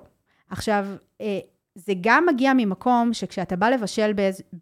wherever שאתה הולך אליו, אתה רוצה להיות בטוח שהסכינים הן טובות. כי לבשל טוב עם סכינים לא חדות, או עם... זה נורא מבאס. זה, זה ממש כאילו, זה תוקע את כל התהליך של הבישול. אבל זה גם הפך להיות קצת עניין של שופוני, כאילו של הנה אני באה עם הסכינים שלי, והנה... עכשיו, אני גדלתי אצל שף, שזה מעולם לא היה שופוני שלו, יש לו הרבה מאוד שופוני. אבל העניין הזה של סכינים, אף פעם לא היה אישו ב... הוא רוצה סכינים חדות, והוא רוצה סכינים טובות, וזה חשוב לו שהדברים יעבדו כמו שצריך, אבל הוא מעולם לא הסתובב אתם עם קיט משחיזים סכינים. כל הזמן? הייתם משחיזים בבית? אה, יש לו, מש... יש לו שתול כזה משחיז בבית שהוא משחיז לפני כל שימוש, ואחת לתקופה אה, הוא היה לוקח את זה לאיזה משחיזן מקצועי כזה, ומשחיז את הסכינים באופן מקצועי. כן, לי היה ב... היום דרך אגב כבר יש לו באלנבי משחיז. חשמלי כזה. כן, משהו כן. כזה. אז היום יש את הזה של באלנבי, נינג'ה. בקינג ג'ורג', ב... כן, אז פעם אחרונה שנכנסתי אליו היה ב-2011, כן. והיה כל כך כאילו ריק שם. כן. אמרתי, כן, אוקיי, זה הולך, העסק הזה הולך להיעלם פה עוד שנייה, חבל כן. לי, אבל בסדר. אה, כן, היום יש כזה, ראיתי אצל נינג'ה שהם מטרגטים אותי בלי אה, הפסקה. כן, מותק, אני חברת נבחרת של נינג'ה. יש, אוקיי. אה, יש להם, נינג'ה יצאו עם ערכות סכינים בכל מיני גדלים, שהקטע שלהם, עכשיו, אני אומרת קטע, אבל זה לא גימיק, זה באמת באמת עובד. אני התרשמתי מזה, אני אומרת שנייה רגע בכנות, לא כי אני אה, אני העליתי, לא, מחויבת. את לא ידעתי שאת עובדת איתם. אה, לא- אני לא זה התרשמתי. מהם באמת, כי הסכינים עצמן הן סכינים מצוינות, אבל זה שהן מגיעות עם משחיז, ומשחיז מאוד פשוט לשימוש דרך אגב, אה, ושבכל שימוש אתה יכול לתת השחזה כזאת על הסכין, הסכינים האלה נשארות חדות, אני עובדת איתם כבר, הסכינים עצמם אצלי, הקיט, כבר קרוב לשנה, הם חדות, גדול או הקטן? הכי גדול יש לי. את מכירה את זה שאת מתלבטת על משהו של קנייה, וככל שאת. מתלבטת יותר, מטרגטים אותך יותר כי אתה לוחץ על זה. עכשיו זה מגיע מצב שמערכת יחסים ביני לבין הקיט הגדול של נינג'ה היא כזו, שזה מי יישבר קודם. האם הם יפסיקו להוציא עליה כסף? זאת אומרת, אני אתן לזה כאילו תודעה, אבל האם הם יפסיקו להוציא עליה כסף על פרסום, או שאני כן. פשוט תרכוש? אני ממליצה לך לרכוש, באמת, אם אתה כל בן הכבוד. אדם שזה... הנה- הנה עם הנבחרת. לא, אמיתי, תראה, זה לא מוצר זול. אני אומרת את זה בפה מלא. זה מוצר... אה, כן, ברור, זה- יותר מאלף שקל לאיזה קיט של... אבל אה, פר סכין. אבל פר סכין, יש לי סכינים יותר יקרות מהממוצע של הסכין הזה. בדיוק, בדיוק. זה הסיבה שאני גם עד עכשיו לא קניתי, כי אמרתי, אבל אדוני, יש לי מלא סכינים לי, בבית. כן. שת, שתביני, יש לנו עוד ש, שתי סכינים אה, שעדיין לא פתחתי בארון בגדים. עכשיו את אומרת, למה זה בארון בגדים? בבקשה. כי... כי אין מקום, כן, אין מקום לאחסן, בטח. וזה מטריף את אשתי, זה מטריף כן. את אשתי שזה בארון בגדים, אז זה מתחת למעילי חורף, אני שם את זה, וזה לגמרי נראה כמו הכנה לרצח אה, ביתי או משהו, ומדי פעם כאילו ליפז יכולה להרים ועושה, הסכינים עדיין פה!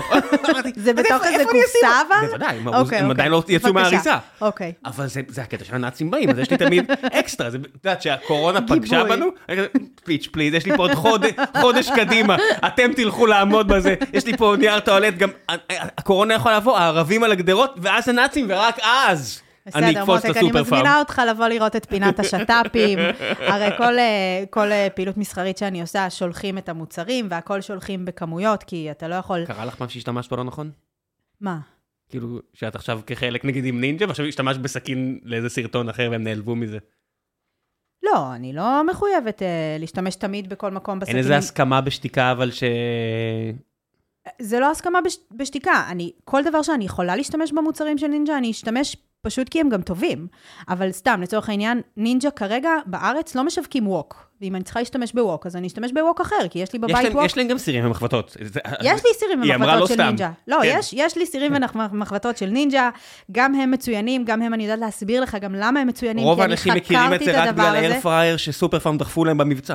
בסדר, כי ה air fryer והמוצרים החשמליים של נינג'ה הם פה כבר שנים, והקטגוריה הזאת של כלי בישול נכנסה רק עכשיו. כן, אבל ה air fryer שלהם, זאת אומרת, שאומרים נינג'ה, זה... אנשים חושבים על בלנדר. ל- על בלנדר ועל. נינג'ה גריל ועל air fryer, נכון. אז אז היום ברוב. המקרים אתה משתמש בנינג'ה, זה כזה כמו נכון. שסוני הפך להיות פלייסטיישן, כן. או כל מיני כאלה, נכון. למרות שהחברה יכולה לעשות עוד 800 מוצרים, נכון. אבל זה יהיה רק זה, משתמשים כן. רק כבר בשם של המותג. אז זה באמת, למי שיש מטבח קטן ונורא אוהב לבשל, כן. האייר פריירים האלה, זה זה די גם מגניב. חוסך את הריח של הטיגון. אני דיברתי כבר על כמה אני שונאת ריח של טיגון. אני לא אוהב את- לנקות- אני- אני לא אוהב לנקות את זה, אני מוצא את עצמי... אה, לנקות את מה? את ה air fryer. אה, אין לי אייר פרייר, אני באמת לא יודעת. אז, אז, אז לי יש, כי קניתי את זה באיזה... במלחמת התשה הפסדתי, בבקשה. ואני מאוד, יש לנו תנור טוב, ואנחנו מאוד אוהבים להכין, ואיכשהו יוצא שאנחנו עדיין משתמשים ב air fryer מדי כן. פעם, זה עובד טוב. כן. הניקוי פה מבאס לי מאוד. בתנור, יש לך את הפיירקס, ולנקות אותו נורא קל, צריך להגיד את כן. האמת, וגם יוצא, כאילו, תנור טוב עושה עבודה טובה. כן. אמ, אבל האייר פרייר, תקן אותי אם אני טועה, הוא גם כאילו לטיגון. כאילו כשאתה רוצה להכין שניצל או צ'יפס, אתה כן, לא, מטגן אנחנו-. אה, אתם גם- לא עושים את גם זה. ש- לא, גם שניצלים אה, אני יכול לשים אוקיי. בתנור. שניצל אפוי, אתה אומר. כן, אני גם אוהב. אוקיי. אבל שניצל טעים, צריך להגיד את האמת, חזה עוף טוב, אה, וגם בלילות, יש... אנשים אומרים, מה, אתה שם פירורי לחם בשניצל? אי אפשר עם זה. אמרתי, אחי, זה טעים ככה, וזה טעים ככה, וזה טעים ככה. כן, אין תשובה. אחת נכונה, זה זה נכון? טעים במלא דרכים שונות. נכון. כל עוד זה טרי, ולא עשי- לא- באמת לא פישלת, כן, זה ממש טעים. כן. טוב, בוא נעשה עוד קצת. מה הפיצ'ר הכי חשוב, טוב, אהוב שיש לך במטבח, שתמליצי לי להכניס במטבח, במטבח חלומותיי?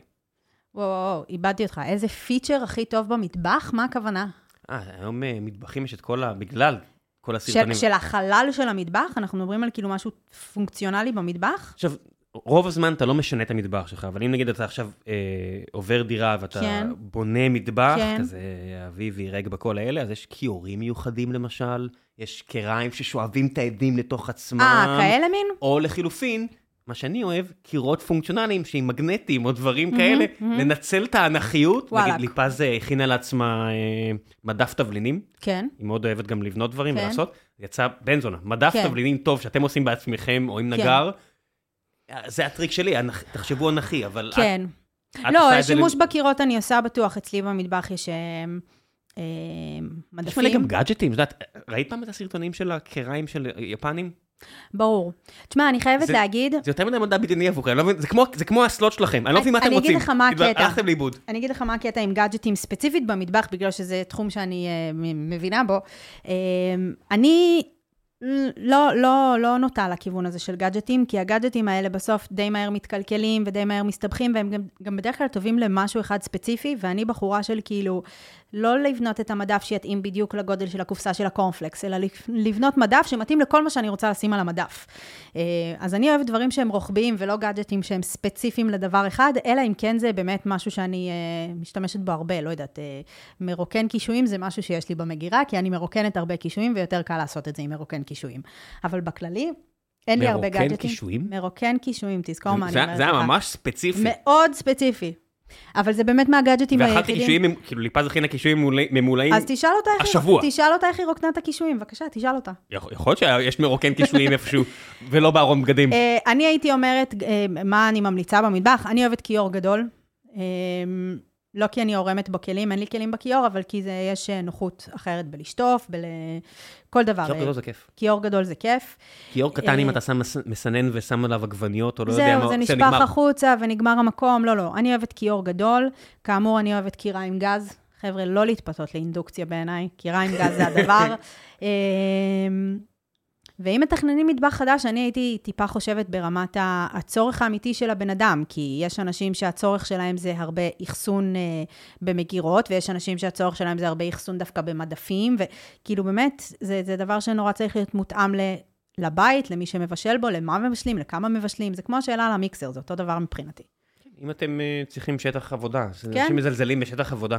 שטח עבודה זה חשוב, אבל גם, אתה יודע, אתה אומר, כן היא, לא היא, ישבו סביב האי, לא ישבו סביב האי, צריך שולחן אוכל, לא צריך שולחן אוכל, זה הכל נורא צריך להיות מותאם ליום-יום של המשפחה. ובסוף, אם יש מקום או אין מקום.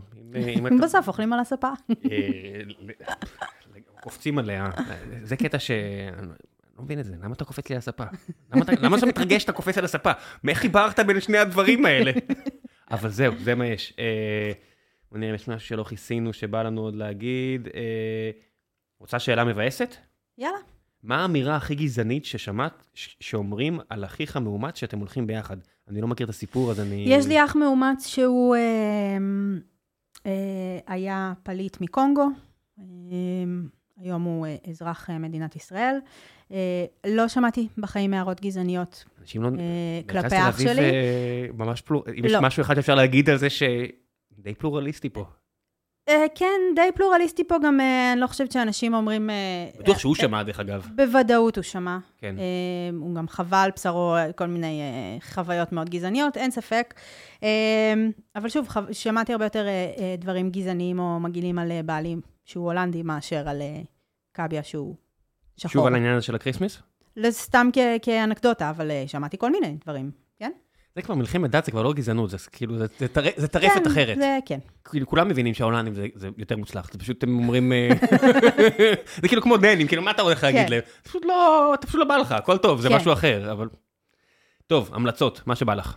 המלצות. כן, מה שבא לך, אין אין לי רגולציה. ספר שקראת, אה, סדרה שראית, סרט שראית, אה, פעילות עם אה, אוקיי, הילדים. יפה, בסדר גמור.